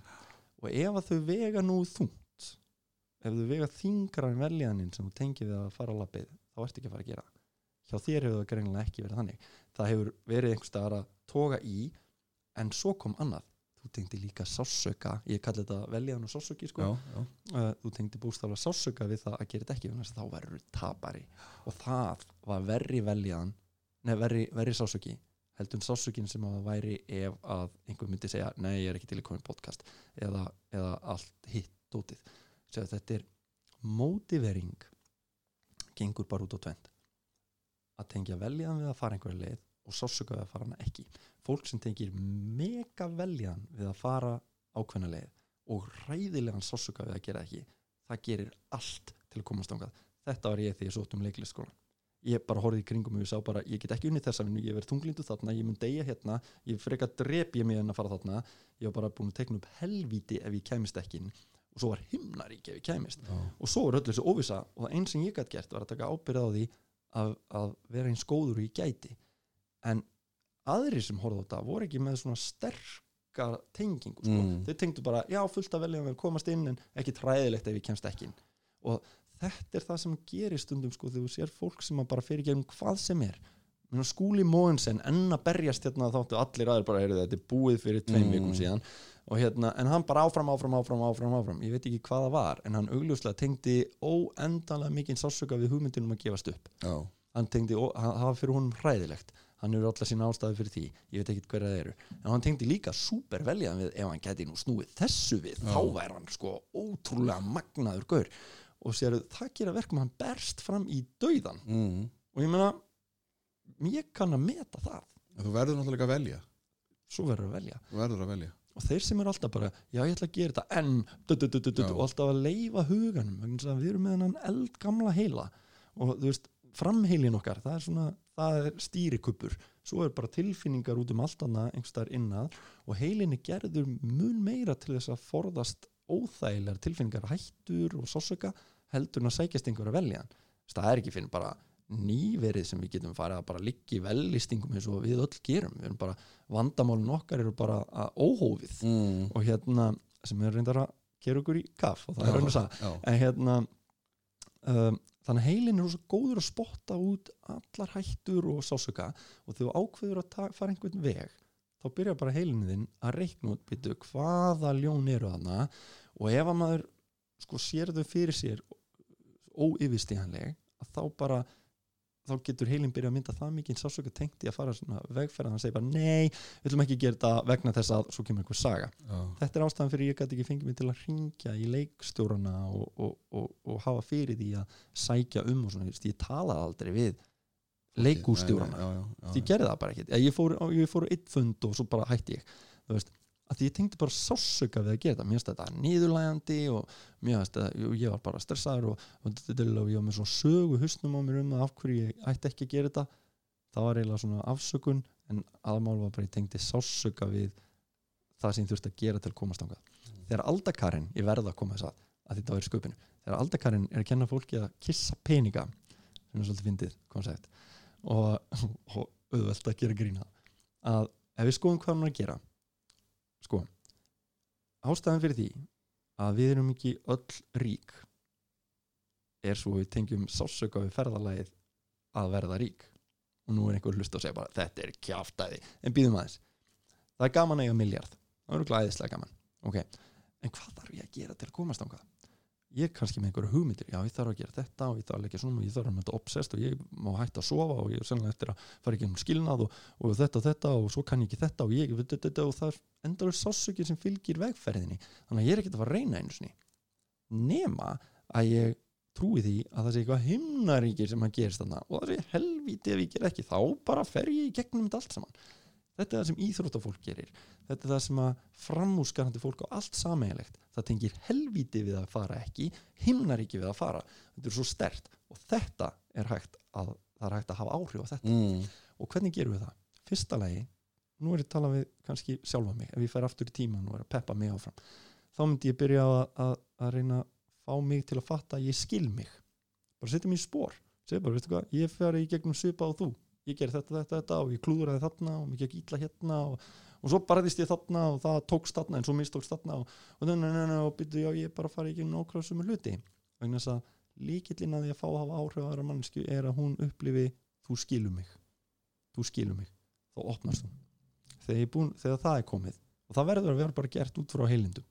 Vegna þess að við skinnjum þegar þetta er eitthvað feik og hérna þannig að maður þarf bara að þykja væntum manneskuna og reyna að finna alla leiði til að setja sér í spórin þá svona byrjar hún að trista og þá er búið að opna fyrstu dyrnar nú kemst maður inn á stað í heilanum bústara þar sem maður er hægt af áhrif og viðþorf og gildi. Og hvað gerir maður nú? Ég ætla að fá sjálfa mig til þess að fara ekki að drekka og stunda íþróttir. Og þá þarf ég að hjálpa heilanum út í viðþorf sem að ídundi það. Og hvað gerir ég? Ég fyrir að segja bara já, þú veist að hérna þú hefur val, þú getur farið hérna og getur farið að byrja að drekka eða, veist, og, og það gera það margir. Uh, og getur líka valið að fara hérna þessa leið og fara eftir alltaf íþróttir og allt draumindin um, en bara svo vitir að margir halda að það sé hægt að blanda þessu saman. Og ég þekki náttúrulega dæmi um þennan og þennan, hann gerir það og, da, da, da, og, nú, og nú segir sögu sögu af einhverjum sem að miskildi hvernig þetta virkar. Hann ætlaði bæði að drekka tvísvar í viku og verða góður íþróttum og það virkaði í tvo mánuði en svo hætti að virka. Og svo segir söguna hvernig það fór bara helvið ítla Mm. og svo bara já en ég meina við meðum velja. Og ég leifi hínum alltaf að velja. Ég bara segi eitthvað og hann velur. En ef maður setur þetta upp þannig að það er augljóst að önnulegin er bara sásuki hín er veljaðan þá mun heilin bara alltaf að velja veljaðan Mm. en það er grundvallaratrið er að ég sé búin mynda tröstið sko, fái að segja þessa hluti þetta er vandamálið hjá okkur foreldurum og ég finn þetta kakvar, stundum kakvar dóttur minni, hún nennir ekki að hlusta á mig sko. að því ég gem mér ekki tíma Já, til já. þess að fá hana til að upplifa já pappi skilur mig núna og hérna að því að maður er bara óþröfull maður finnst þess að maður getur bara að fara beint í lausnina en allavega, ég segi einhverja sögur svo segi ég sögu að mér bara já, ég ger þetta og þetta og þarna feila ég og eitthvað svona. en sögur eru svo góð leið til að lefa fólki bara að spegla sig án þess að ég segja, þú ættir að gera þetta þú ættir að vera svona, þú ég segi bara sögur af því hvernig ákveðnar aðtapnir ákveðnir leiða að ákveðnum hérna, ákveðin útkomu og aðrar að einhverju betri útkomu. Og svo setja þetta bara upp bara, við megum velja. Mm. við megum alveg fara hvaða leið, destruktiv leið eða konstruktiv leið, bara hvort heldur sem er. Og þarna yfirleitt bara heilar virka þannig að þeir velja bara betri leiðina.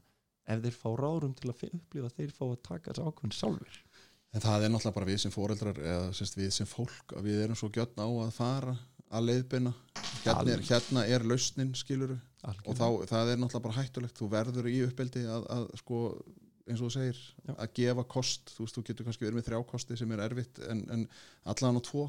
Mm og þá ertu eins og þú segir, sársöki eða þetta. Já. en ég verð nú að segja að að, við verðum að hætta því ég veit að þú ert alveg tímabundin en, en ástæðan fyrir því eins og með hlaðvarpið sko, að, að þetta með hlustunatölu þegar fólk segir alveg, er eitthvað að hlusta? Og maður er alveg þá segi ég yfirleitt, það, mér er alveg sama af því að það er þetta eins og þetta viðtal að maður læri líka svo mikið að því bara að tala við fólk. Og þetta náttúrulega, ég er forvitina eða svari, mér finnst rosalega áhugavert það sem þú ert að segja.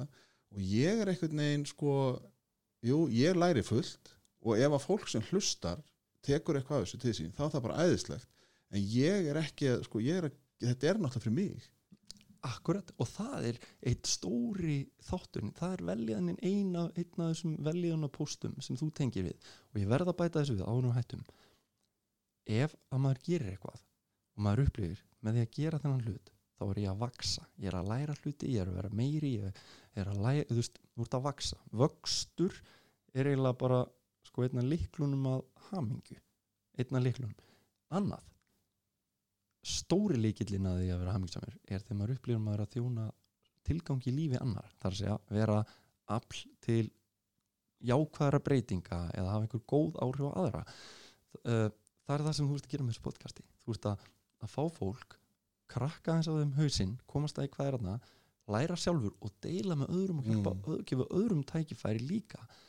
Auðvitað elskar að gera þetta. Fyrir utan að þú bara hitt alls konar fólk og tilbreyting og eitthvað svona. En þetta eru svona tvær tegundur að veljaðan sem að allir, ég þóra fullir að það að þegar við gerum eitthvað og þetta mæti þessum þörfum, þörfinni fyrir vöxt þörfinni fyrir að þjóna stærri tilgangi að þá hefur það rosalega mikið vægi. Og það er það sem þú ert að gera og, og mér langar nú bara að nota þetta ekki vera rosaði fyrir það Jú, þakka þér. Og ég held að þetta eru bestu loka orðin sem við erum. Við erum búin að fara um víðan völl og ég, ég klálega þarf að fá þig aftur af því að við getum örgulega greint þetta viðtal í döðlur og bara, þú veist, heyrðu, já, við þurfum að tala meira um þetta og þetta og þetta. Að ég ætlaði að spyrja um framistöðu þjálfunina en ég held að þú sért búin svo sem að segja það, því þetta er hugafarið og það er bara sásauki eða velvíðan, vel, velvíðan og þannig að ég bara takk kærlega fyrir að, að, að eigða þessum degi með, eða þessum tíma með mér og bara gangi þér allra best en ég held að, að þú ert ráðin í annað viðtal. Endilega, ég er meirinn til. Já, takk kærlega fyrir. Kæra þakki fyrir mig